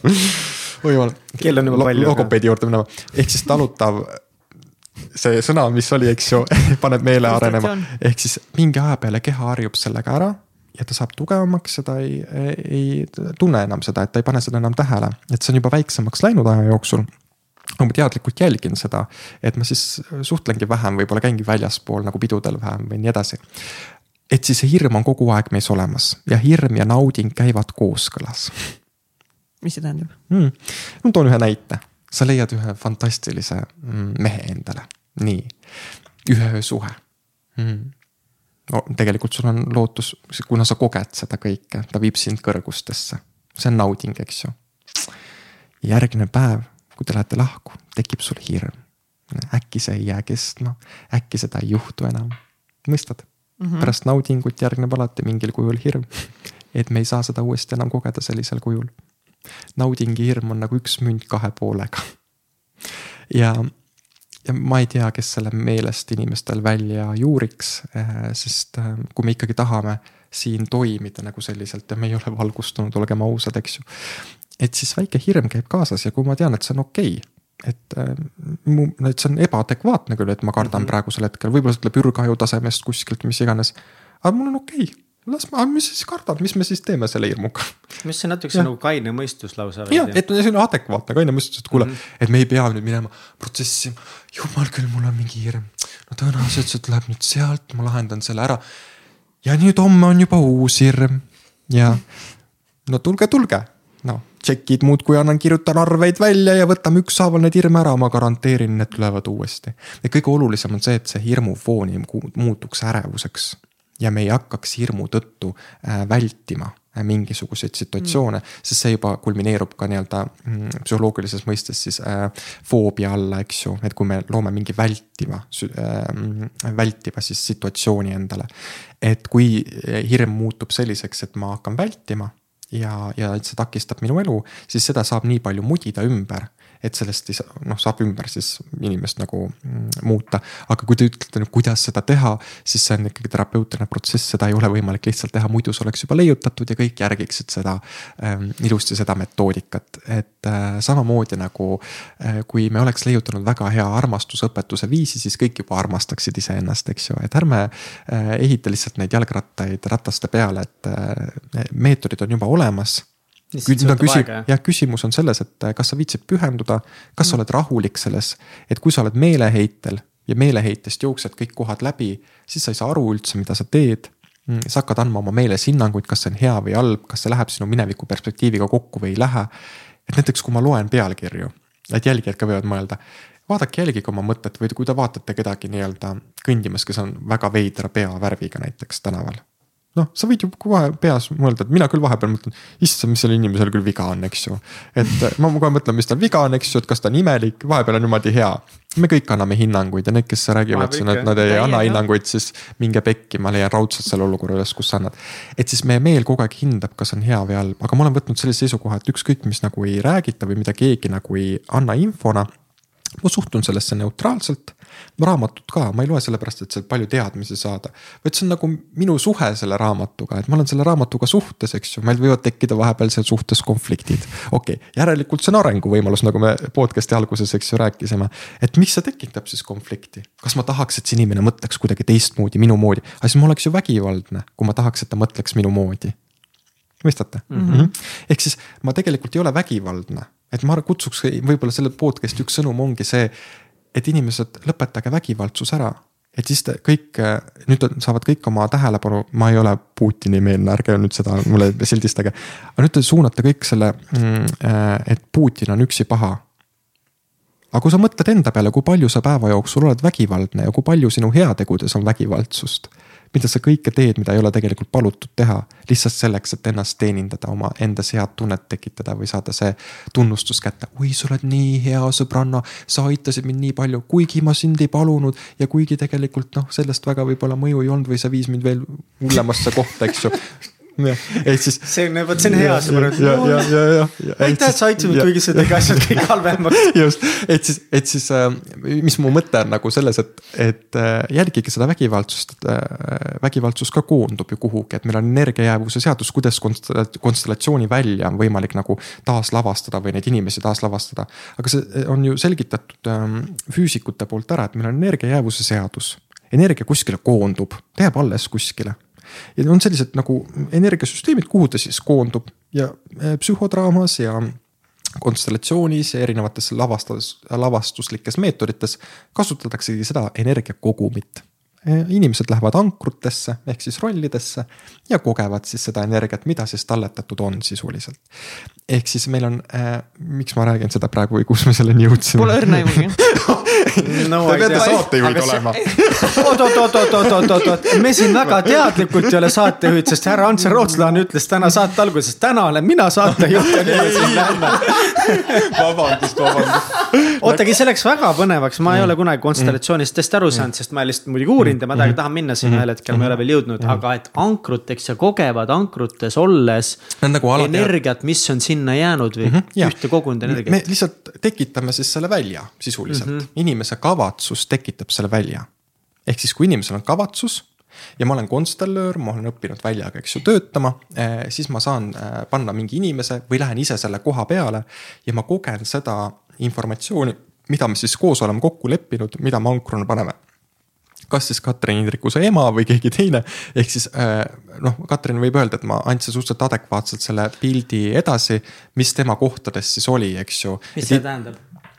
Täpselt. näiteks kui me panimegi räägi, väljale rahu, mm. enesearmastuse, turvalisuse. täpsustuseks ka, sest ma arvan, kuulge, mis tähendab väljale, panite väljale? ehk siis meil on lihtsalt äh, nii-öelda ruum ja meil on niuksed alused ja me paneme, jah, jah, me mhm. paneme ankrud ja me nimetame lihtsalt seda terapeutilist, äh, kus protsess hakkab toimuma, nii-öelda see lavastus siis nii-öelda mm. -hmm. et me nimetame seda siis terapeutiliseks väljaks, ehk siis see on piiritletud äh, terapeutiline ruum, kus siis protsessid toimuvad kuhu me saame ankrutena välja panna siis objektid tema sisemaailmast ehk tema sisemisest psüühikast, millega saab väga hästi traumatööd teha, me näeme ära, mis on, mis osad on temast eraldunud mm. -hmm. ehk kui me paneme näiteks Katrin paneb ennast nii-öelda põrandale maha ja siis ma jälgin väga seda näiteks, kuhu ta rahu paneb või kuhu ta turvatunde paneb. ja kui ta paneb need kuskile nagu väga eriotstesse või kui need, kui ma lähen sinna koha peale ja tunnen, et mul on seal paha, paha olla, siis ma liigun sinna, kus mul hakkab hea olla ja siis me näeme ära selle, kui palju need sisemised osad temast on eraldunud. mida rohkem on eraldumist, seda rohkem saab tekkida nii-öelda nende sisemiste osa ja sinu vahel nii-öelda seda pinget siis nii-öelda.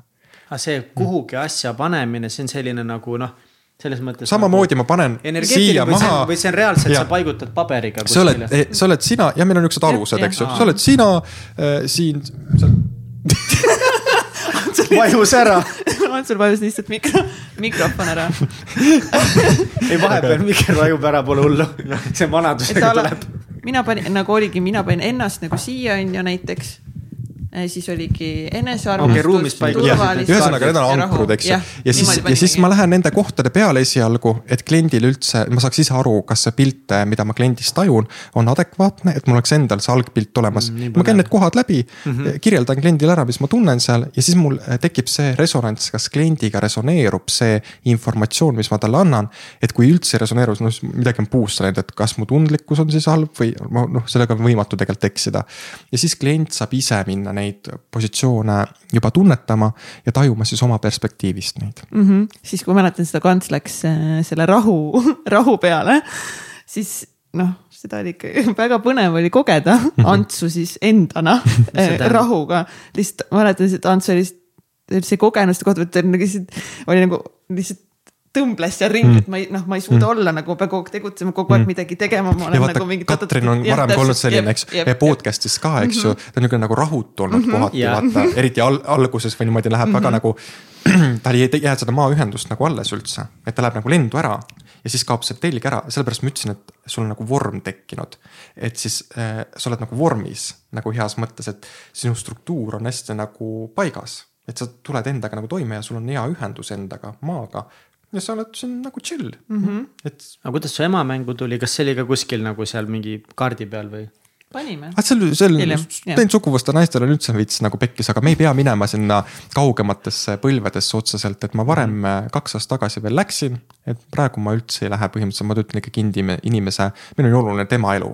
aga sa hakkasid enne midagi mainima, võib-olla mm -hmm. noh, ma ei või öelda, kas me räägime sellest mitte, aga nagu sa hakkasid midagi ütlema, et. et Katrin võib nagu mainida, kas ma panin mingi ema asjaga täppi või? Või, või mis, minu meelest sa ütlesid midagi sihukest ja siis me kuidagi. aa ei, ma küsisin lihtsalt, et kas ma äh, asendasin talle neid rolle adekvaatselt ah,, yeah. et kas see tekitas temas nagu resonantsi, et kas see on tema sisemine pilt, mida ta ise ka tunneb, sest vaata. kui me toome sisemise pildi distantsile välja, siis tekib see, et äh, inimesel tekib parem arusaam sellest olukorrast, situatsioonist ja ta saab seda kõrvalt vaadates ilma nagu suurema emotsioonita nagu hinnata, et seal on adekvaatsust rohkem et kui me töötame enda sees näiteks ainult meditatsiooni läbi, mida palju tehakse, et siis äh, tihtipeale me oleme nii manipulatiivsed endaga. aga kui me toome selle situatsiooni välja, mingi tüüp näitab mulle otsa ära, eks ju, mis mu sees päriselt on ja see resoneerub minuga, et mul ei ole kuskile põgeneda. sest ma tean, et see minu elus nii on ja ta teab ka mind natuke, eks ju et siis, siis on nagu see, et see on paljastatud ja nüüd on see koht, et siis tagasiteed enam ei ole mm. -hmm. et siis tuleb ainult edasi minna, olgu see hirm nii suur, kui ei ole. aga oli hirmus, ma, mind huvitab, ma tahaks tegelikult, et mhm. keegi teeks mulle sellist tera-, vaata. ma yeah., ma ei ole leidnud tegelikult Eestis nihukest terapeuti, kes, kes, ma tahaks, et keegi oleks hea hüpnotisöör, kui keegi tunneb, et ta on väga hea hüpnotisöör. ta võiks mulle märku anda, sellepärast et ma olen otsinud Eestis, et äh, see, kes on hea, kes teeb hästi hüpnoosi, ta ei ole nõus mind võtma, sest meil oli kunagi isiklik elu nagu nihukese väike konflikt. ja neli, viis aastat tagasi. kui keegi tõesti tunneb, et ta on professionaalne hüpnoterapeut, väljakutse, tee Antsuga imet. oota, aga oli hirmus siis või? ei olnud üldse hirmus mm. -hmm. nagu paar päeva enne mul mm. oli küll, sest ma ei teadnud ju, mis mind ees ootab, ega mina ei mm. teadnud täpselt, mis tehnikaid seal Ants hakkab mm. kasutama, ma ei ole käinud tema mm. juures varem. aga sinna minnes ja, ja istudes Antsu vastale toolile, mul ei olnud enam hirmu, vaid mul oli, mul oli elevus Mhm. ja siis, kui me panime need väljale, siis mul hakkas põnev mm. -hmm. sest kui sa nägid, et Ants mhm. etendab sind nagu üks-ühele mingites kohtades, sa oled nagu holy fuck nagu, mis siin toimuma hakkab mm. -hmm. ja lihtsalt aga Ants vahepeal küsis ka, et kuule, kas nagu, kas see on, kas see on veitsa liiga palju sulle, et kas me võtame nagu mm -hmm. vähemaks. sa pead tegelikult jälgima seda, et, et väga lihtne on trauma trauma peale teha ehk siis, kui me paneme neid, vaata trauma puhul ei töötata kiiresti tegelikult mm. -hmm. et sa pead hästi CD-kinnastega rahulikult vaatama, kui palju klient on valmis. ja siin ei tohi seda terapeudi varju sisse tulla, et ma tahan klienti korda teha või et, et mu maine sõltub sellest. et kui näiteks Katrin oleks täna siin terveks saanud, siis oleks jube pläss, eks ju olnud, et näed, ei õnnestunudki ja peaks nagu valetama võib-olla midagi ilustamiseks. et tegelikult tuleb töötada nii palju, kui klient on valmis ja siis, kui sa töö keskel näed, et töö võib võtta natukene sügavamad mõõtmed, kui ma olen, ma olen võib-olla plaaninud. siis ma pean kliendi käest küsima, et kas tema jaoks on seda liiga palju. sest tihtipeale klient ei julge ise seda öelda, et kuule mm., me läheme siin liiga paljuks või et seda on liiga palju. et sa pead ikkagi seda ruumi, sina vastutad selle ruumi eest, sa vastutad inimese nagu heaolu eest. ja sul on ikkagi eetikapiirid, mida sa pead nii-öelda järgima et ja sa pead ka aru saama sellest, kus piiris sa saad inimest aidata ja kus ei saa, eks ju, kus sa pead ta tegelikult psühhiaatri juurde saatma. et neid näiteks ATH puhul hästi huvitav on, et ATH-d on hästi palju meil. Mm, ja öeldakse, et see on nihuke geneetiline haigus, aga kus ta varem siis oli, et kas ta oli siis vähe aladiagnoositud või seda ei teatud. või on ikkagi mängus ka näiteks mm, sotsiaalmeedia, et meie aju saab kogu aeg nii palju informatsiooni peale ja meil tekib selline aktiivsus-tähelepanu häire. mis tähendabki seda, et üks päev ma võin olla üliaktiivne, eks ju, siis võivad mul tekkida mingid langusperioodid, kus ma ei taha midagi teha et siis nendel puhkudel mina olen saatnud kliendid psühhiaatri juurde, inimesed palju kardavad Eestis ka psühhiaatrilist ravi. aga ma ütlen, et see ATH ravi on minu klientide puhul ülihästi töötanud teraapiaga koos. ja me oleme ka saanud ühe inimese siis sellisesse faasi, kus ta praegusel hetkel otsustas ravi ära jätta, aga ta püsib hästi. tal ei ole tekkinud samasuguseid nagu sümptomeid uuesti. aga see ATH ravi annab sellise nagu tegevustahte või sellise nagu tasakaalu, ta annab ajule ikkagi mingisugust sellist ainet, mida aju muidu ei tooda aga noh, mina isiklikult mõtlen siin seda, et ma otsin ikkagi selle koha välja, et kus see ATH siis päriselt tekkis, ma praegu uurin seda hästi põhjalikult mm. ka oma töös. et, et kus ta siis tekib, milline on selle perekonna mõju seal ja kas seda on, eks ju, kui öeldakse geneetiline mõju, siis peab olema. aga milline on see tänapäeva ühiskonna mõju? et, et me peame aru saama sellest, et me inimestena oleme sattunud sellisesse ja oleme loonud sellise ühiskonna, mis on täiesti inimloomu vastane. see on liiga kiire mm. -hmm. me tahame liiga palju ja me ei suuda selle rongi peal lihtsalt olla ja me võime ajutiselt olla seal rongi peal, sõita sellega natuke aega. aga mingil hetkel, siis kui me tahame puhata, siis me ei oska enam sealt rongist maha tulla ja siis meil on tunne, et see rong sõidab eest ära. ja, ja see ühiskond, te peate aru saama sellest, et sinuga ei ole midagi valesti. kui sa ei jõua sellise tramburaiga kaasa minna.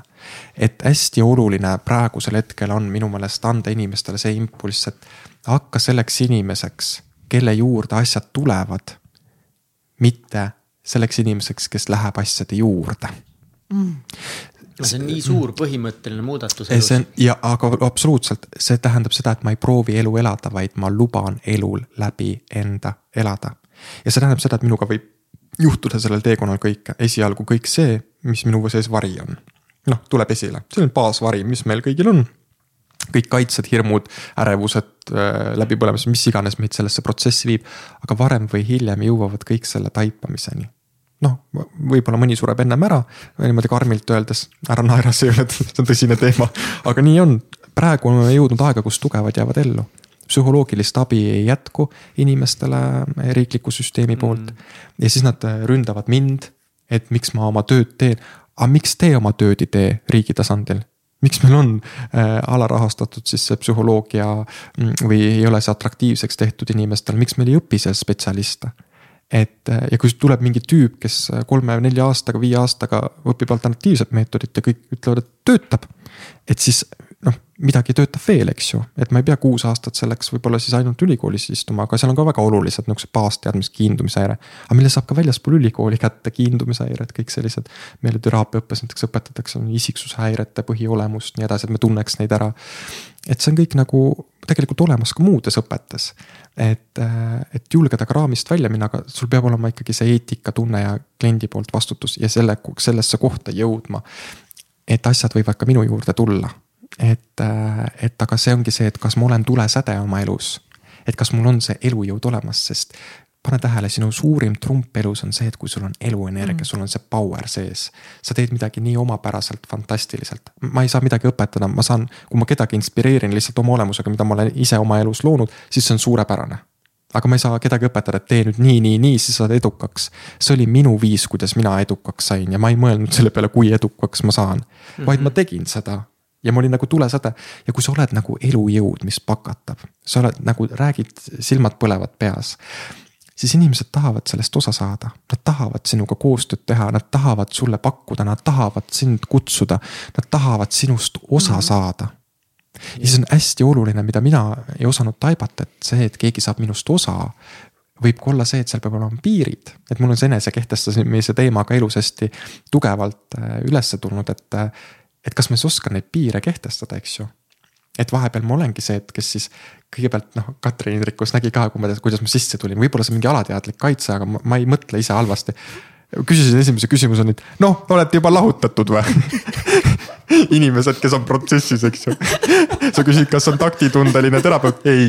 aga samas ma ei ootaks, et Ants nagu muud moodi siseneks no,. millest me räägime, Ants tegi üks õhtu endale nalja, karjus mingitele tüüpidele, tapke ära ennast issand jumal, kui halb no see oli väike, väike joke, aga mida nad lõugavad seal, kurat. Noh? aga mida te lõugate, öörahu oli pealegi, öörahugi, aga kui nad tahavad üksteist maha, lööge siis maha noh ja Ants pooldab jälle vägivalda juba kujutan ette, sovinist ja ma ei tea, mis iganes. juba tuleb, juba tuleb. ei jaksa, see on feministid, mul, ma armastan neid. tead, ma käisin Star FM-is rääkimas üks hommikul lihtsalt mul paluti minna rääkima nais ja mees mingitest rollidest ja siis ma ütlesin lihtsalt meelega niimoodi provokatiivselt seal välja, et. Mm, et Eesti mees tahab endale ka sellist õrna, pehmet ja vahel pisut sellist naiivset, eks ju, naist ja tead, ma meelega selle naiivselt panin sinna juurde, eks ju, sest ma teadsin, et naistel, noh, osadel naistel tõmbab see harja punaseks. ja läks lahti mingi Virginia Woolf või mingi grupp on äh, Facebookis mulle hakati saatma siis screen'e, kolmsada naist tõmbasid mu pilbasteks seal. sa ei teagi, mis naine on, ta on kuradi debiilik, no niimoodi, et see oli nii huvitav jälgida, mis inimestega nagu juhtus, siis ma mõtlesin eh, feministide peale ka, mõtlesin, et mis nendega on juhtunud. et ma pean naisõigusi kaitsma kas minu õigusi siis mingil tasandil, baastunnete tasandil niivõrd palju nagu riivatud. et kas ma olen nii palju naisena nagu haiget saanud ja see on ka nagu vastutus meestele, eks ju.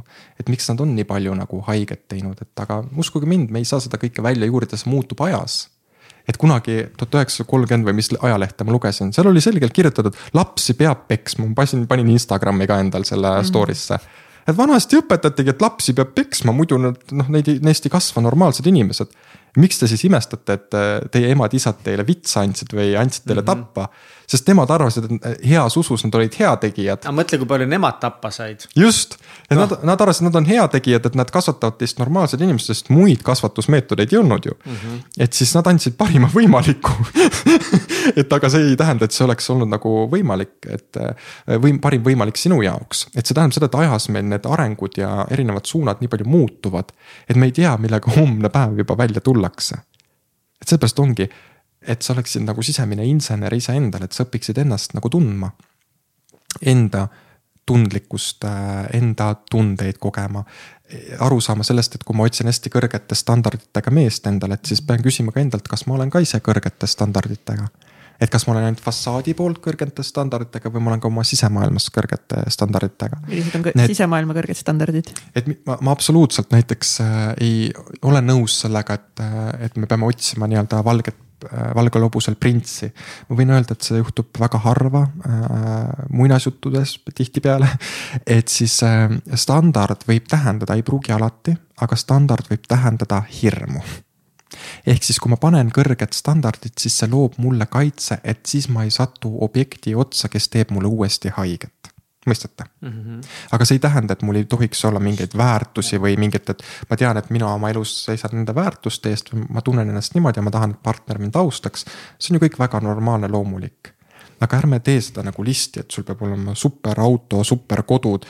et, et nagu partnerlussuhe on koosloomine et jõudke koos sellesse kohta, et päris armastus ei vaja standardeid, päris armastus tõstab meid ise.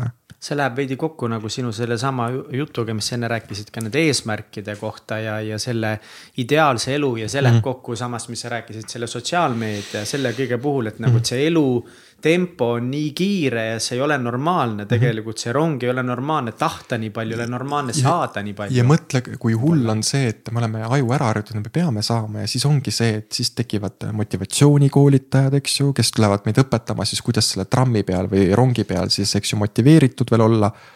aga tegelikult sa vajad lihtsalt seda, et sa peaksid minema metsa. peaksid jalad maha panema, paljajalu olema, võib-olla natuke sügisel on natuke jahe, aga proovi. et, et ei ole vaja seda rongi peal nii palju nagu joosta, et võib rahulikumalt ka nagu päriselt võtta, et keegi ei ole sinust parem, et see võrdlev ühiskond. no ma ei tea, ma arvan, et see ei lõppe hästi, et siin peabki käima mingi suur. raske on sellest lahti ka saada. Täna hommikul ise nagu mõtlesin, noh, ma olen ettevõtja mm., ehitan äppi, klassikaline startup'er mm, -hmm. alustav startup'er. just lugesin Markus Villigu mingit intervjuud Mhm. on ju, noh nüüd ta on siis ametlikult kõige rikkam mees mm. Eestis. Ja kuidas siis teised äh, mingisugused ettevõtjad kirjeldasid mm teda ja tema kohta, mida räägiti. ja siis sa loed seda, et milline mees ja kui geniaalne ettevõtja ta on kohe võrdled iseendaga, noh, kui ma üldse seda äppi teen, noh, panen kohe putka kinni ära lihtsalt, ma ei ole, ma, ma ei ole ju tema, noh. et nii palju stressi ja pinget lihtsalt tegelikult mingist ühest lõigust, mis ma lugesin. Mingi Jah. tüübi arvamus kellestki teisest. jah, jah, ma teen samamoodi ju äppi.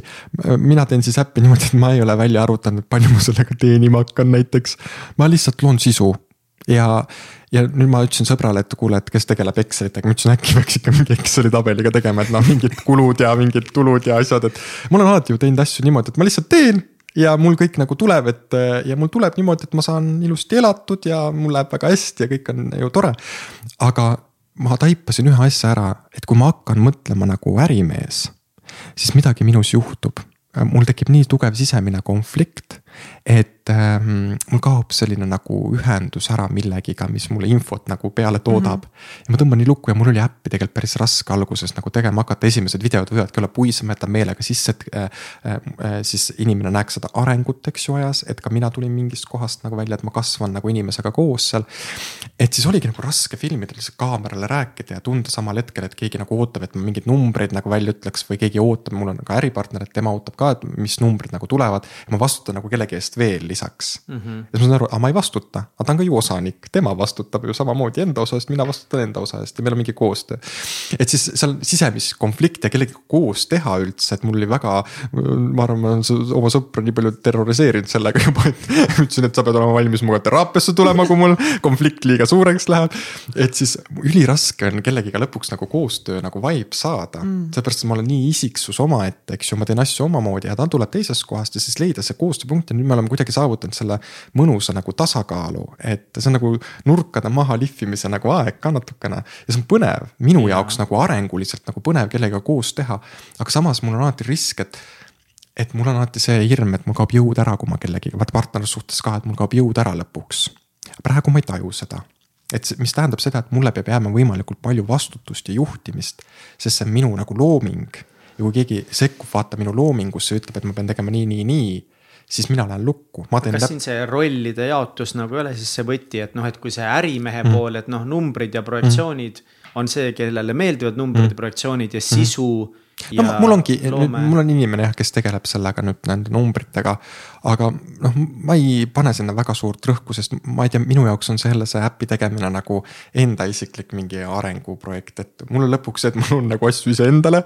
ja siis lõpuks need lähevad nagu nendele inimestele, kes kõnetab see info, mis ma seal jagan, siis et äh, võtan kõik eluvaldkonnad sinna nagu sisse. suhetes, spirituaalsuses on väga palju töö ja äriteemasid, dünaamikaid, mis seal on. et siis inimesed on ju, küsivad kogu aeg küsimusi või tahavad teraapiasse tulla ja siis ma mõtlesin, et aga siis võiks olla mingi keskkond, kus on neile, et sul on probleem. ja siis aja jooksul hakkab järjest rohkem infot tulema, et sinna tulebki erinevate teemade kohta informatsioon. osad on niuksed filosoofilised, osad on väga teoreetilised ja siis on igalühele midagi. minu enda lemmik, mis ma just nagu tegin, olid hüpnoosilindistused. ma ise kuulan, no nartsissist kuulab enda lindistusi, aga tõesti noh, mõnus on, tõmbab nagu päeva lõpetamise, päeva alustamise, ärevuse maandamise hüpnoosid. mõnus, mul on lihtsalt hea olla. et, et sellega on jah nihuke põnev, et aga ma lasen sellel protsessil juhtuda ja ma luban ka sellel konfliktil olla, et ma ei torma seda kohe lahendama. et kui mul on, tekib sees sisemine konflikt et siis ma vaatan seda. kohe ei ole teraapiasse? ei, kõigepealt. aga mis roll on teraapial ettevõtluses? Mm,? Süs- äh,, ettevõttele, kas üldse otseselt nüüd teraapiat on võimalik teha, ma ütleks, et ei, on võimalik teha nihukest ärisüsteemi coaching ut, süsteemset korrastust. mis tähendab seda, et äh, noh, ma alguses ütlesin ka, et see, millega sa lood ettevõtte. Mm, seesama dünaamika jääb ettevõttes kestma, ma toon ühe näite. Äh, üks äh, inimene oli loonud omale töökoha selle, ettevõtte selleks, et tal oleks töökoht mm. -hmm. ja nüüd aastaid hiljem kasvas see nii suureks et ta tegelikult ei peaks täna enam töötaja olema. aga ta miskipärast sattus kogu aeg ühe töötaja tööd tegema. kes ei tulnud kas tööle või siis ta ei, ei saanud hakkama, ehk ta oli abitu kogu aeg oma töökoha peal. aga tegelikult see ju dünaamika oli ettevõttes, ettevõtte juht lõi omale ettevõtte, et tal oleks töökoht. mis tähendas seda, et ta kogu aeg kukkus selle töötaja rolli. sest ta lõi omale töökoha ja kui ta sellest aru sai ahaa, ja siis me tegime sinna ettevõttes üldse uue tegevjuhi koha nii-öelda justkui eh, süsteemselt panime paika, eraldasime ära selle töötaja funktsiooni. ja jätsime, nõustusime sellega, et andsime süsteemselt koha sellele dünaamikale, mis tõi selle ettevõtte siia. aga see ei vii edasi enam meid mm. ja panime ettevõttele uue konkreetse eesmärgi ja vaatasime ka rahasuhte ettevõtte ja nii-öelda väline süsteem nagu raha. see on megataipamise praegu ja, anyways. jah, ehk siis äh, äris on samamoodi, äris mõjutab väga palju mm, äh, see, mis on firma ajalugu et äh, ma toon enda pealt jälle näite, et ma olen ühes ettevõttes olnud, kus üks töötaja kunagi ei püsinud üks ametipositsioon et pool aastat maksimaalselt. ja ka mina läksin sinna, ma püsisin pool aastat seal, ma läksin ära, mul oli ebamugav olla ja ma tundsin, et ma olen nagu kõikide pingete nagu kolle selles äh, ettevõttes. ja, ja siis tuligi välja, et see esimene töötaja oli äh, siis äh, varastanud kas mingeid tooteid sealt ettevõttest, eks ju, oli mingi tüliga konflikt laiali läinud.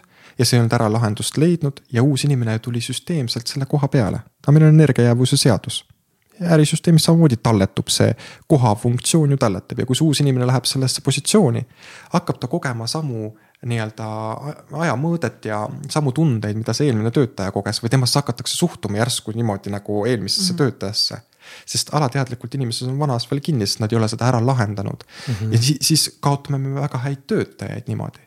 noh, ma toon näiteks, et mingi äri, näiteks ähm, äh, Tartu Emajõe ääres seal Atlantise majas on üks kohvik. me ei ole kunagi näinud, et seal oleks palju rahvast. Nad on seal vahetanud igast kokkasid ja asju, mis on mitu ettevõtet sealt läbi käinud, ei hakka tööle. aga mis see põhjus on? Mis selle vana esimese ettevõttega juhtus, mis seal tööle ei hakanud, kas see läks pankrotti, mis temaga seal juhtus, et see ajalugu on vaja välja uurida. ja teiselt poolt, mida me toome, miks ma nüüd äriteemadega hakkan tegelema, ma õpin seda praegu intensiivselt äh, nii ärilepitust, konfliktilepitust kui mm, ärisüsteemi üleüldiselt. Siis äh, me toome niivõrd palju pere ja isikliku dünaamika konteksti ettevõttesse sisse sest pane tähele, kui ettevõttes tekib konflikt, siis ei teki ju konflikt kunagi lihtsalt noh, kui on arusaamatus, siis see ei lähe isiklikule tasandile üldjuhul. noh, mingi tööalane arusaamatus lahendatakse ära, nii edasi. aga kui meil on konflikt, läheme me alati isiklikule tasandile. ehk siis, mis tähendab seda, me toome, me, me, see, mis dünaamikaga on pannud tööle eh, ja mis dünaamikad on ettevõtte juhil sellesama dünaamika teenindamiseks tõmbab ta ligi alateadlikult neid töötajaid, kes tema dünaamikaga haakuksid mm. -hmm. Mm -hmm. et äh, me toome palju isiklikku konteksti, töö konteksti sisse ja sellest ma kirjutan ka uues raamatus palju, ma kirjutan need dünaamikad, asjad lahti, ma annan äpis selle kohta palju informatsiooni. see on selline vaatevinkel, mida ei ole Eestis varem jagatud ja sellepärast ma ütlen, et see võib olla ohtlik, sellepärast et see kõik need toredad asjad, et oleme hästi tänulikud ja nii edasi, noh, kõik on seda juba proovinud, kõik on seda ära teinud, eks ju, aga meil on, meil on ikkagi probleemid. et mis me siis teeme, kui meil on üks ussitav töötaja, eks ju ja ta ei tule muutustega kaasa, meeskonnaga kaasa, mis me siis teeme? me peame aru saama üldse selle. koondame. ei, noh, see ongi kõige lihtsam, eks ju, laseme lahti. aga tead, kui suur kulu on lahendus. töötaja vahetamine, uuesti välja koolitamine, sisse, et ta resoneeruks. ehk siis palju odavam on tegelikult see lepitusprotsess selles olukorras. mis tähendab seda, et me peame aru saama, miks see inimene on jäänud kibestumisesse ja kui tekib inimesel töökeskkonnas kibestumine või selline nii-öelda, et ta ei lähe muutustega kaasa, siis tähendab seda, et ta on jäänud vanale lojaalseks, ehk siis see, mis vana on loodud, võib-olla see on teise juhi poolt loodud, aga ta on siiamaani talle lojaalne või sellele vanale süsteemile lojaalne. ja nüüd juhtimisviga on see, kui keegi ähm, muutub töökeskkonnas nagu selliseks äh, rahulolematuks, sest juhil peaks olema oskus märgata seda, et töötaja baasvajadused on täidetud, et töötaja tuleb muutustega kaasa ehk siis järelikult on midagi sellist nendes muutustes, eh, mille suhtes tunneb see vana töötaja hirmu ehk siis kas tema positsioon väheneb äh, emotsionaalses mõttes kasvõi, eks ju. et äh, kas, kas, kas see vana näiteks see toimimisviis enam ei ole selline, et mul on raske seda muutust äh, vastu võtta, sest ma tahan, et vana kestaks, eks ju. nüüd kuidas juht selle uue muutuse siis maha müüb, et ega selle vana töötaja vajadused oleks kaetud või siis me toome näiteks konflikti et äh, väga, väga sage näha, et äh, töötajad, ühte töötajat näiteks klatsitakse ähm, töökollektiivis. et miks tekib see olukord, kus ma satun tööl kiusatavaks või see, et mind klatsitakse kuskil. et see on samamoodi, et see inimene peaks vaatama, mis dünaamikaga ta ettevõttes on, et kas ta täidab ainult oma funktsiooni, kus ta on määratud. või on tegelikult juht teinud vea ja lubanud korra selle töötaja kõrgemale ametipositsioonile mis tähendab seda, et kui sa korra annad juba inimesele präänikut, et oled mm -hmm. tõstnud oma positsioonist kõrgemale. ja ei ole andnud, mis on kõige halvem asi, mida selle juures teha, et ma ei ole andnud lisatasu selle lisatöö eest, mis ta on pidanud tegema. siis inimene võtab automaatselt rohkem võimu talle on antud tee, ta võib rohkem võimu, näiteks rohkem vastutust korra. sest juht näiteks ei saanud millegagi hakkama ja nüüd ta mingi pärast, näiteks kuu aja pärast öeldakse, et nüüd sa võid oma positsioonil edasi olla aga ta tunneb seda võimu ikka enda sees, seal on võimutunne. ja siis teised hakkavad tundma, et miks tal on õigus kõrgemal olla. palka talle selle eest juurde ei antud, me teame küll. ja nüüd ta võimutseb seal ja korraldab, kuigi tal on see funktsioon juba läbi. ja siis inimesed hakkavad alateadlikult teda alla tõmbama läbi selle, et nad hakkavad teda vähendama oma keskis. selleks, et teda tõmmata enda tasemele tagasi. et see on süsteemne hierarhia seadus, ehk siis äris peab olema väga selgelt sinu töö ähm, töö sisu määratletud. ja kui sa saad lisafunktsiooni oma töö juures, siis see peab olema kas ajaliselt määratletud ja see peab olema ka tasustatud. muidu tekib automaatselt see defitsiit, et ähm, kuidas ma ütlen, ehk siis mul tekib juhina süütunne töötaja ees, kui ma ei ole talle maksnud, olen palunud rohkem talt. ja siis ma justkui annan talle ka rohkem andeks, mis ta võib-olla teeb, et ma luban tal neid piire nihutada.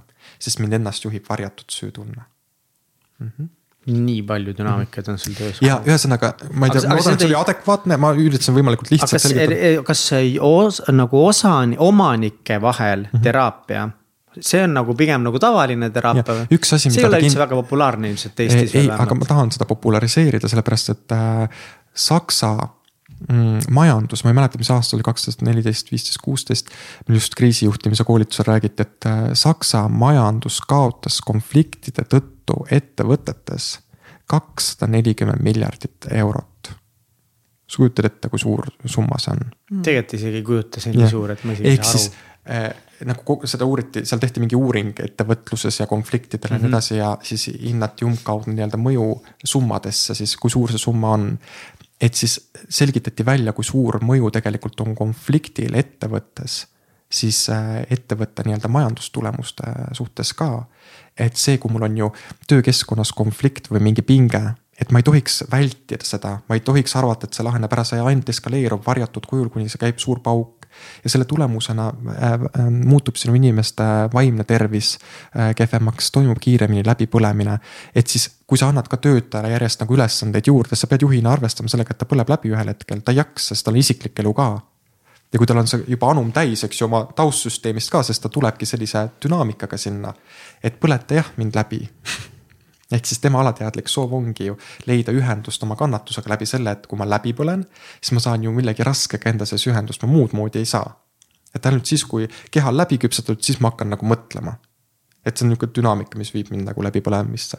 ehk siis juhina ma pean märkama seda, et ma ei annaks töötajale liialt palju nagu ülesandeid, mis tegelikult võib olla kahe inimese tööülesanded üldse et siis sa põletad väga hea tööressursi läbi ja siis sa pärast ütled, et nõme töötaja oli, aga tegelikult sinul oli juhtimisviga.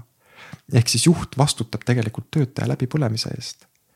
ehk siis, kui juht nõuab ja tööd, sa pead arvestama sellega, et töötaja madalamal positsioonil, tema kardab oma tööd kaotada ja kõige suurem manipulatsioon ühes ettevõttes, kus ma töötasin kunagi, seal oli selline kultuur, ma ei tea, kas see vastas tõele või mitte. aga seal juht oli alati tulnud tööle roosa särgiga, kui kedagi ta hakkas vallandama kujutate ette, kui suur viga võib see juhtimises olla. ehk siis, kuidas ma hoian oma töötajaid nagu äh, motiveerituna või hirmus tööl. ja kui see nendele töötajatele sobib, see on okei okay., aga ma, ma sain aru, et see on kõige suurem nagu agressiivsus, mis minu suhtes nagu saab teha, sest ma sain aru, et see võib vastata tõele, sest ma nägin, kui ta ühe korra roosa särgiga ühe inimese lahti lasi. ja, ja seal oli seal avatud klaasid, seal nägid kõik, eks Lähe boss on täna roosa särgiga tööl. Kes meist läheb? ja käis sahin läbi, eks ju.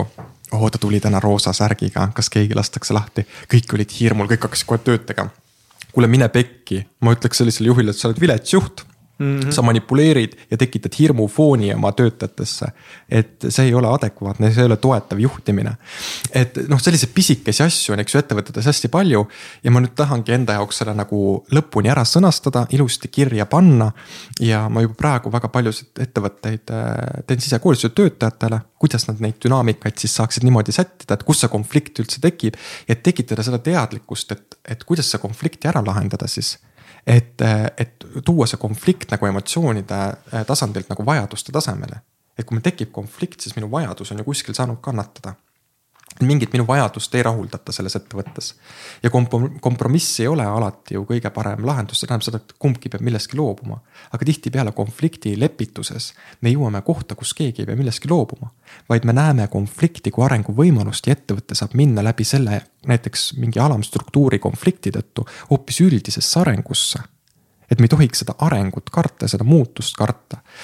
Et äh, ja juhid peavad siin tegelikult võtma ka väga tugeva initsiatiivi, et seda protsessi julgema vaadata ja ka oma juhtimisvigu vaadata. Ja see ei tähenda seda, et ma ei tegele mitte kunagi sellega, et süüdistan, näed, sinu pärast ta läks, eks ju, ma praegu võin seda küll vulgaarselt siin välja öelda. aga tegelikult äh, ta ju ei teadnud seda informatsiooni, meie ettevõtjatena ju samamoodi me ei tea, kuidas seda kompotti kõike õigesti elada et noh, samamoodi ettevõtluses me ei tea, aga me saame kasutada informatsiooni Eh, mis on olemas, eks ju, et äh, siis arendada oma juhtimisoskust ja osata märgata lihtsalt neid kohti, kus mul võib nagu lappesse minna selles ettevõttes.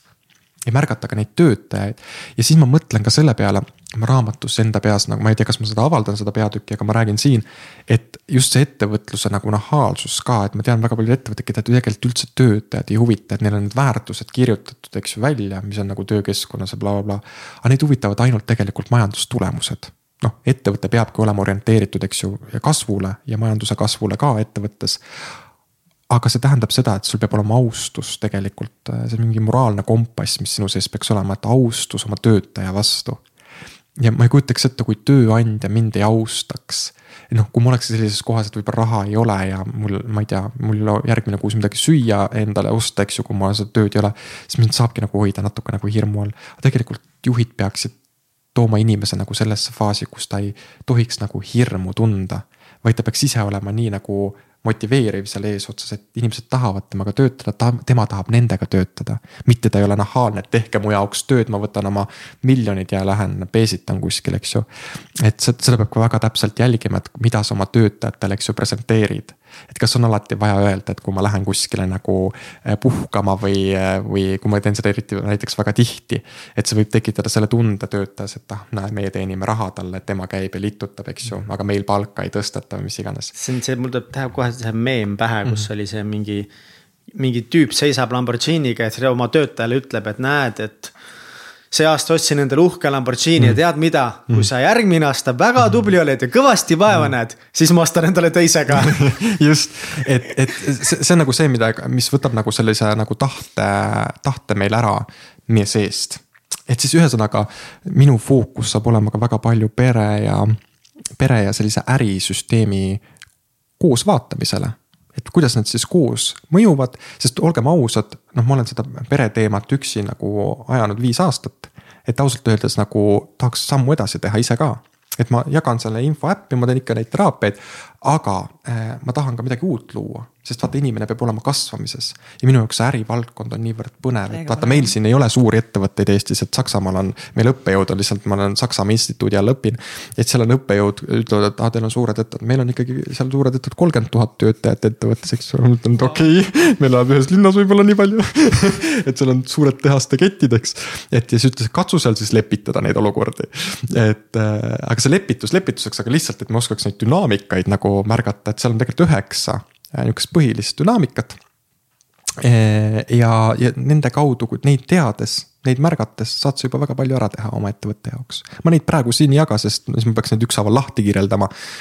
äpis ja raamatus tuleb mm,. mul on veel üks mm -hmm. küsimus siia, mis mul oli, et aga oota, kuidas siis ikkagist muuta seda dünaamikat äh,, alguse dünaamikat mille põhjal sai alguses ettevõte loodud ja mis on nagu praegu, kuidas seda siis muuta? jah, seda peaks muutma eelkõige siis, äh, kui sa näed, et see, mis tõi sind siia, ei vii enam edasi. mis tähendab seda, et mingi kriisi algfaas hakkab tekkima. ja aga kuidas seda ja, muutust luua? Nagu? kuidas siis seda muutust luua, see tähendab seda, et sa pead aru saama adekvaatselt, äh, mis see dünaamika on, mille peale sa lõid nii, sa võid samamoodi teha nagu äh, me teraapias tegime, ehk siis paned selle dünaamika siia välja mm. -hmm.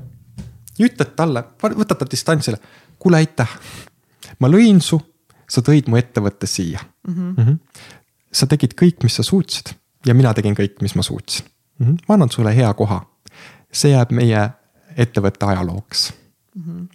ja siis võtad teise sa võid seda paberi peal ka samamoodi teha, kirjutada välja, mis on minu ettevõtte uus fookus ja eesmärk ja dünaamika mm. -hmm.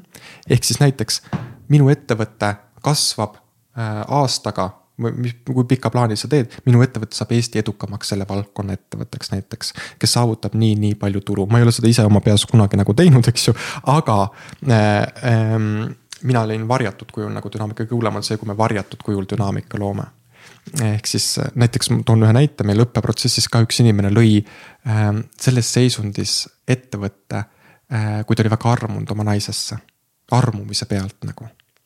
Ja kui see armastus sai otsa, kukkus ka ettevõte kokku. ta ei saanud aru, mis juhtub.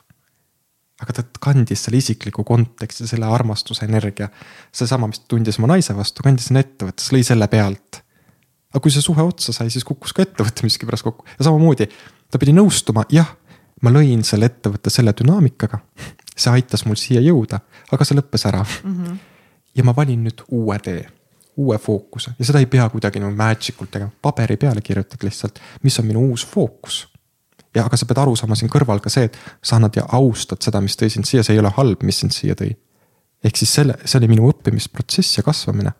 ja see on ressurss temale, see on järgmine samm ehk siis lihtsalt paberi peale kirjutad välja tunnistad seda, mis oli ja võtad uue fookuse. kõige olulisem on, et sa ei, saad aru, kui sa juba teadvustad mm., siis ärisüsteemis ei ole näiteks sellel konstellatsioonitööl nii suurt nagu tähtsust.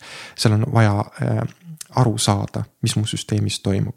kas mul on isiklik kontekst, mille pealt ma olen loonud ettevõtte, mis dünaamika minu ettevõtet nagu alustas. ja kui ma selle saan juba loogiliselt aru, mu aju hakkab juba teistmoodi tööle. ja siis ma juba saan, et okei okay,, nüüd ma panen selle uue eesmärgi endale äh, ja uue fookuse ja ma loon sellega uue dünaamika ja see tähendab ka seda, et see, selle dünaamika ümber, mis ma kõik lõin, see laguneb ära. ehk siis ma pean uue struktuuri looma kuidagi. seda nimetataksegi kasvamiseks. Mhm. ja mõtle, kui head me toome isiklikku konteksti ettevõttes, siis mõlemas suunas saame kasvada. aga mõtle nüüd, miks inimesed on raske, kui nad on ärimehed ja neil on veel naine kodus. loomulikult pinge ongi suur äris on isiklik kontekst sees, naises on mingi suguvõsa projektsioon sees, eks ju täitsa pekkis mis me nüüd teeme siis, et siis teeme siis midagi siis, kui pekki läheb nagu, et äh, ja, ja siis on õige hetk nagu reageerida. et lihtsalt pidage meeles, et kui teil tekib kriis, te satute nagu paanikasse, siis teadke, et see on nüüd sinu hüppelaud, mida kasutada endale ressursina justkui arenguvõimalus liikumaks uuele tasemele. ja see tähendab seda, et pärast suurt edu toimub langus millele järgneb alati tõus ja nii ka praegu maailmas. Te peate olema ka maailmas praegu turbulentseteks aegadeks valmis, noh ennustatakse ka majanduslikku täielikku krahhi, Inglismaa majandus on väga piiri peal, see võib mõjutada tervet maailma. ühesõnaga, turbulentsed ajad on käimas ja seda enam peame me leidma niisuguseid võimalusi ka äris, isiklikus elus, et ellu jääda, mis oleksid võib-olla teistmoodi natukene pisut nurgaga, pisut endale otsa vaatama. et aru saada siis, kes mina selle kriisi keskel olen, et ma ei ole see kriis et see on pisike osa minust. et terviklik mina on täitsa terve, maailm võib hulluks minna üks mõte siin, vaadake lootusõis, miks ma kasutan oma logos siin üleval ka väikselt niimoodi lootusõit ja siin all lootusõit. noh, mis on lootusõis, ta kasvab ju ka kõige sitasemas kohas, mudas või kuskil mudases järves. aga ta on kõige ilusam asi, mis seal mudases järves on. ehk siis ka Eh, sellises mudases järves on võimalik õitseda mm. ehk siis lootusõis ongi tegelikult see sümbol ka joogi, joogide maailmas. mis annab nagu see, et ole ka sina see lootusõis. et äh, kasva sealt mudast nagu välja, et las nad siin sõdivad ära oma sõdimised jah, me oleme ka selle osalised, muide, me oleme ka seda põhjustanud oma vägivaldsusega äh, varjatud kujul, eks ju. ja me oleme, meil on ka väga palju seda muda seal ümberringi. aga seesama muda võib meist kasvatada ka lootusõie. ja see on nihuke ilus imal jutt võib-olla, aga see on tõde mm.. Ja ma mõtlen iga päev niimoodi, et näiteks kui ma magama lähen, et äh, selleks, et mul on, mul olid vahepeal uneteemad, et äh, siin suvel ka, sest äh, ma kell üksteist on hästi aktiivne periood, mul loomeperiood kuni kella kaheni öösel. mu keha ei rahune ennem maha. ja siis ma hakkasin mõtlema seda, et keha maha rahustada, mul on üks rituaal, ma jagan teile ka. ma ei tea, kust ma selle sain või tekkis ise, ma ei tea, kust see tuli. igatahes enne kui ma magama lähen eh, voodis, ma hakkan ükshaaval riideid enda seljast ära võtma. Iga kord, kui ma selle riide seljast ära võtan, ma hakkan ka mõtlema enda peas, mis üldse mina ei ole. Mis ma endast nagu ära võtan. ehk siis ma ei ole oma riided. Ma ei ole oma töö. kohe, kui ma mõtlen, et ma olen oma töö, see on pekkis. Ehk siis ärge tehke ennast tööks oma elus, see on lihtsalt roll, see on lihtsalt funktsioon, mida sa täidad oma elus, see ei ole sina. Ma ei ole ka oma ärevus. Mm..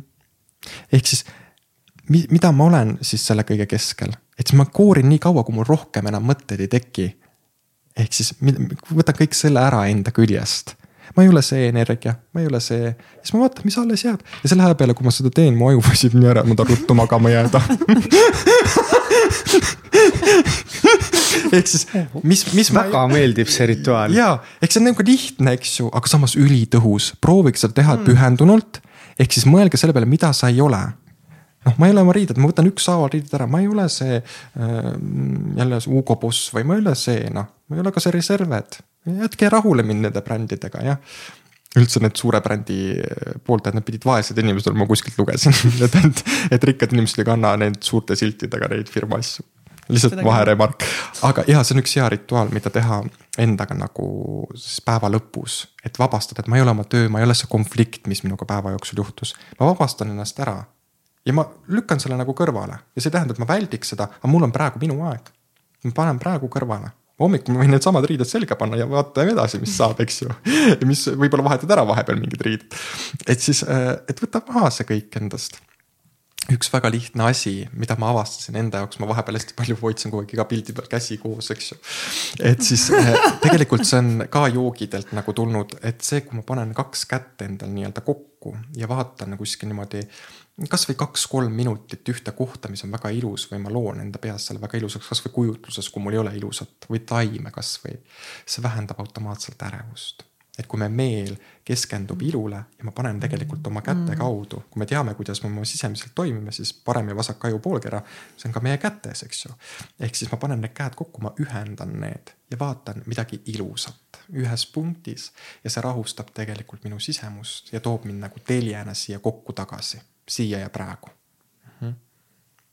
et vahepeal ka, kui ma lappesse lähen ise näiteks mingi liiga palju koormust on, siis ma toon käe täitsa siia ja ütlen mina Ants. ja siis ma kontrollin, kas ma kõigun kuidagi, kas ma olen siin telje keskel kas mu telg on paigas, sest siit jookseb nagu see telg siit kurgust kuni nabani nii-öelda välja. eks see on selline sisemine telg, eks ju. mida sa vist teraapias ka tundsid, tekkis nagu mingisugune telg enda sisse mm,. Mm -hmm. et siis ja siis, kas on, vaata, kui sa vaatad inimesi ka, siis mõned on niuksed nagu haavalehed värelevad, eks ju niimoodi ja siis mõtled, mis nagu viga on, rahune maha, tahaks juhtmed alla panna, rahune maha et siis, et siis ära ole nagu värisev haala, haavaleheke, eks ju, elus, et see. tulles selle juurde tagasi, et me oleme tuhat aastat, miljon aastat ennem surnud olnud ja me oleme pärast seda. meil on ainult see fucking seitsekümmend kuni üheksakümmend aastat, mida me väriseme siin ja sa sured niikuinii ära lõpuks, mis me siis teeme, ei ole midagi teha. et siis elada nagu sellist, ei pea olema niimoodi, et ma elan täna nii, et homne päev oleks viimane, nagu homne päev oleks viimane. kui suur meeleheide selles siis tegelikult on, kui suur pinge selles sees on, so what, kuna see viimane päev on. et äh, seda, põhiline asi, miks inimesed muide kardavad, miks nad hirmu tunnevad, on see, et nad ei julge surma vastu võtta. Surma tunnistada kui sellist asjaolu, et jah, ma suren ühel päeval ära. See võib juhtuda kolmekümne kaheksaselt, see võib juhtuda kuuekümne kaheksaselt, aga fakt on see, et see juhtub. Aga nad peaksid ka surma mõistma selliselt, et surm ei ole lõpp, võib-olla see on hoopis piinavam kogemus, mis meil siin elus on, kui see, mis meist saab, eks ju. et ma olen varem jaganud podcast'is seda, et kuidas see üleminek nagu on või mis tunne on olla üldse siis ilma kehata, eks ju, mõned praktikad pakuvad sellist kogemust meie elus. et mis tunne on ilma kehata olla, aga ma ikkagi jään selle lause juurde, mida ükskord mulle kuna ma olen selline napakas veits, eks ju, et ma räägin ka nihukest teise maailmaga, et. et siis mul oli üks surnud inimene, kes istus mul voodi peal ühelt peolt, kui ma tulin. Ja ma olen kunagi jaganud seda, et. ja siis tema üks asi oli see üks lause, mis ta mulle ütles, mida ma mõistsin. kui hea oleks, kui saaks veel korra hingata. ja see on minu inspiratsioon, mul ei ole vaata selliseid inimesi, keda, kes oleks minu, kuidas on eeskujud jah see tähendaks seda, et ma tahaks kellegi jälgedes käia. mul on inimesed, kes on inspireerinud ja tihtipeale on surnute maailm minu jaoks väga inspireeriv olnud. lihtsalt selles kontekstis, et äh, nad on ausad. Ma käisin vanaemaga surnuaias, tema ju ei usu selliseid asju, eks ju, ja mina ei tea midagi oma suguvõsast sellepoolsest väga. mul see haua peal hakkavad tulema küsin vanaema käest, et siin seisab üks laps ja selline mees ja, ja neid hakkab järjest tulema, et kas meil on siin veel rohkem nagu sugulasi surnuaias, et, et need on meie sugulased kõik ma ei ole kellelgi öelnud, aga meil on siin kümme-viisteist nagu hauda. sellega ma olin tülis, sellega ma olin tülis. okei okay,, mis nüüd juhtus just kus sa näed seda kõike? Et siis eh, vanaema oli ka nagu, et sa oled haige inimene, ütles mulle. Sa pole normaalne inimene. siis ma ütlesin, ei ole hea, aga vähemalt oli nagu lõbus, ma sain terve suguvõsa kohta teada, sest kui ma juba ütlesin talle ära, et kuule, sellel mehel olid need, need teemad, siis ta hakkas ise rääkima. Et mul ei olnudki rohkem nagu vaja nagu midagi teha. et äh, miks ma sellest räägin? Ah,, sellepärast, et kui me julgeme surma tunnistada siis me saame elu rohkem vastu võtta, surm on kõige suurem ressurss, teadmine. et ma võtan selle vastu, sellest saab suurim elujõud. konstellatsioonis on selline metoodika nagu elu ja surm. et siis, kui inimene võtab selle surma vastu nagu, ütleb jah. ma nõustun sinuga igal tasandil. siis sellest saab minu ressurss. aga kui ma teen kõik selleks terve elu, et sinna pääseda läbi oma sõltuvuste või läbi selle, et ma töötan üle või, või kahjustan ennast, olen enda suhtes vägivaldne siis ma ju teen kõik selleks, et sinna kiiresti jõuda. Ja ma peangi kartma. ma peangi kogu aeg hirmus olema, sest järelikult minu tegevuses on midagi sellist, mis tahab mind viia surma poole. Mm.. mitte ta ei oleks minu selja taga, minu ressurss, et noh, jõuame sinna kunagi hiljem, eks ju, ärme pinguta praegu, et sinna jõuda. et naudi seda säde, sädelevat aega, mis praegu nagu on, et see on sama väike aeg nagu täht kukuks taevast no suuremas pildis aja, ajaraamistikust nagu väljas. üks täht lihtsalt tuleb taevast ja kukub, see on sinu elu. jah, ja mõtle, sa võid särada, aga sa võid kustuda palju varem kui teised tähed, eks ju. mõned tähed jõuavad ka meteoriiditükkidena meile siia maa peale. ja jätavad jälje. jätavad jälje, et need üksikud inimesed siin maailmas, et mm. lõppkokkuvõttes ei ole ju vahet, kes sa oled või mis sa teed päeva lõpuks, keda me üldse mäletame sealt minevikust, kes on väga vinged inimesed, nad on surnud juba ära ela oma elu selles plaanis, et kuidas kellelgi ennast tõestada või nähtavaks teha. tähtis on see, et sa oleks ise õnnelik, aga kui see pakub sulle ainult rahuldust, et keegi teine ütleks mulle, et ma olen äge. no siis sa oled lõksus oma elus. ja noh, ma ei saa sulle kiireid vastuseid anda, kuidas sealt lõksust välja tulla, et käige joogalaagrites, tantralaagrites, armastuse kursustel, otsige seda teed enda jaoks aga ära kaota kunagi kriitilist meelt, esita alati. mulle tundub, et inimesed ei esita üldse kriitilisi küsimusi, nad lähevad traumateraapiasse mm,. ma ei taha nüüd seda nime välja tuua, seal on üks selgeltnägijatest ka on, kus sa vist käisid kellegi juures. aga see ei ole traumateraapia, sest inimene ei ole kunagi traumateraapiat õppinud. sa ei saa sündida traumateraapia nagu õppimisega, et see on väga vastutustundetu ja see on see ohtlik, millest ka ajakirjandus vahel nagu kirjutab. et kui inimene ei teagi midagi sellest ühesõnaga aitäh, et te tulite saatesse täna aitäh, aitäh, et. aitäh kutsumast. Te pidite jälle kaks tundi mind ära kuulama. oota, Egert paneme edasi ma mõtlesin, me läheneme juba nagu mingi kolmele tunnile. kas meil jäi midagi sellist, mis oli võib-olla, mida võiks veel nagu. ma ei tea, minu meelest oli ülihea, ma sain ja, nii palju juba endale ja. mõtteid ja taipamise, minu jaoks on see saade mhm. juba ennast äh, sajakordselt ära. juba valisid raamatu endale mõne on ju? juba kaks võttis. aa, juba kaks, aa noh. teadlik mees ja hetkede jõud. no väga huvitav jah, mis seal veel on? Teil on mingi promoma neid või? sa saad valida endale ühe lihtsalt miljon. kuidas peaaegu kõigest läbikukkununa ikkagi suurelt võita no.. no seda me rääkisimegi, et see on kui arenguvõimalus, eks ju. me võtsime selle raamatu ühe lausega kokku. ja ma ei tea, ma ei ole neid lugenud. teate, selle lugemisega on ka niimoodi, et äh, et ühel hetkel nagu sa naudingi neid raamatuid nagu selles mõttes ma ei jäta midagi meelde väga. nüüd ühtegi ei vali või? alguses tahtis vaata kolme võtta. oota, ma valin tunnetuse peale, ma panin silmad kinni mm, -hmm. aga ma ju tunne, no tunneta. no see on kohe kindel ei. muide, armastus, söögiteema ka, et nendel inimestel, kellel on see nagu. kindel ei oli siis praegu ei ühtki, ei need üksi ja teisi nippe, et suhete loomise abil edu saavutada ma ei. tea, mulle meeldivad need kaks tegelikult ja see ka tõmbab mind, aga see on kõige rohkem tõmbab mind see. okei okay., Scott Adams, kuidas peaaegu kõigest läbikukkununa ikkagi suurelt võita eesmärgid on kaotajatele ja süsteemid on võitjad, minu jutt. Ants äkki Scott Adams? oota, ma ei ole. No sa ikka valisid õige. Selles mõttes, et see oli, minu perspektiividega läheb hästi kokku ja keegi kirjutab läänes, et eesmärgid on kaotajatele, uskumatu. Ants on leidnud oma venna. ma olen leidnud oma hingesuguluse, spirituaalse ja see hingesugulus on ka need kaksikleegid, no mine pekki, sellega nihukest pulli saab. Need spiritualistid jõuavad ikka toota. ühesõnaga, siis ma panin seal enesearengu festivalil ka, eks ju, et räägivad oma nendest kaksikleekidest ja ma peangi kannatama, sest ma olen tema kaksikleek. sul on lihtsalt kiindumishäire, mine teraapiasse. et kui sa ei saa aru, mis on kiindumishäire ja kaksikleek, siis on ikka väga pahasti, eks ju. et kurb on, kui sa lihtsalt oled nagu mitteratsionaalsuse, nagu ratsionaalsuse kaotanud. Et on loomulikult olemas, tead, ma olen mõnda näinud kellel on tõesti väga tugev nagu side, ma ütleks isegi hingeline nagu side partneritena. ma ütleks, teil on ka tegelikult, aga see on nagu teistmoodi. et te peate nagu elus paralleelselt käima. aga et nüüd müüa maha endale mingi selline idee, et ma pean temaga nüüd olema, sest ma olen tema kaksikleek, sest ma olen ennast ära veennud et äh, varjata oma kiindumishäiret tegelikult, et ma ei suuda sealt lahti lasta, sest ma pean ju midagi maha müüma endale. et siis jah, ühesõnaga sellist putru toodetakse väga palju ehk siis mina tahaks näha inimestes ja see on vägivaldne jälle, et ma tahaks neist jälle näha, sorry. aga ma mõtlen ise, et ma tahaks endas näha siis eh, seda ratsionaalsust ja kahtlustust. ehk siis ka inimesed, kui mind kuulavad, siis kahtlustage mind ja kuulake ratsionaalselt. järgi mõelge, kas see läheb teie eluplaaniga kokku või mitte.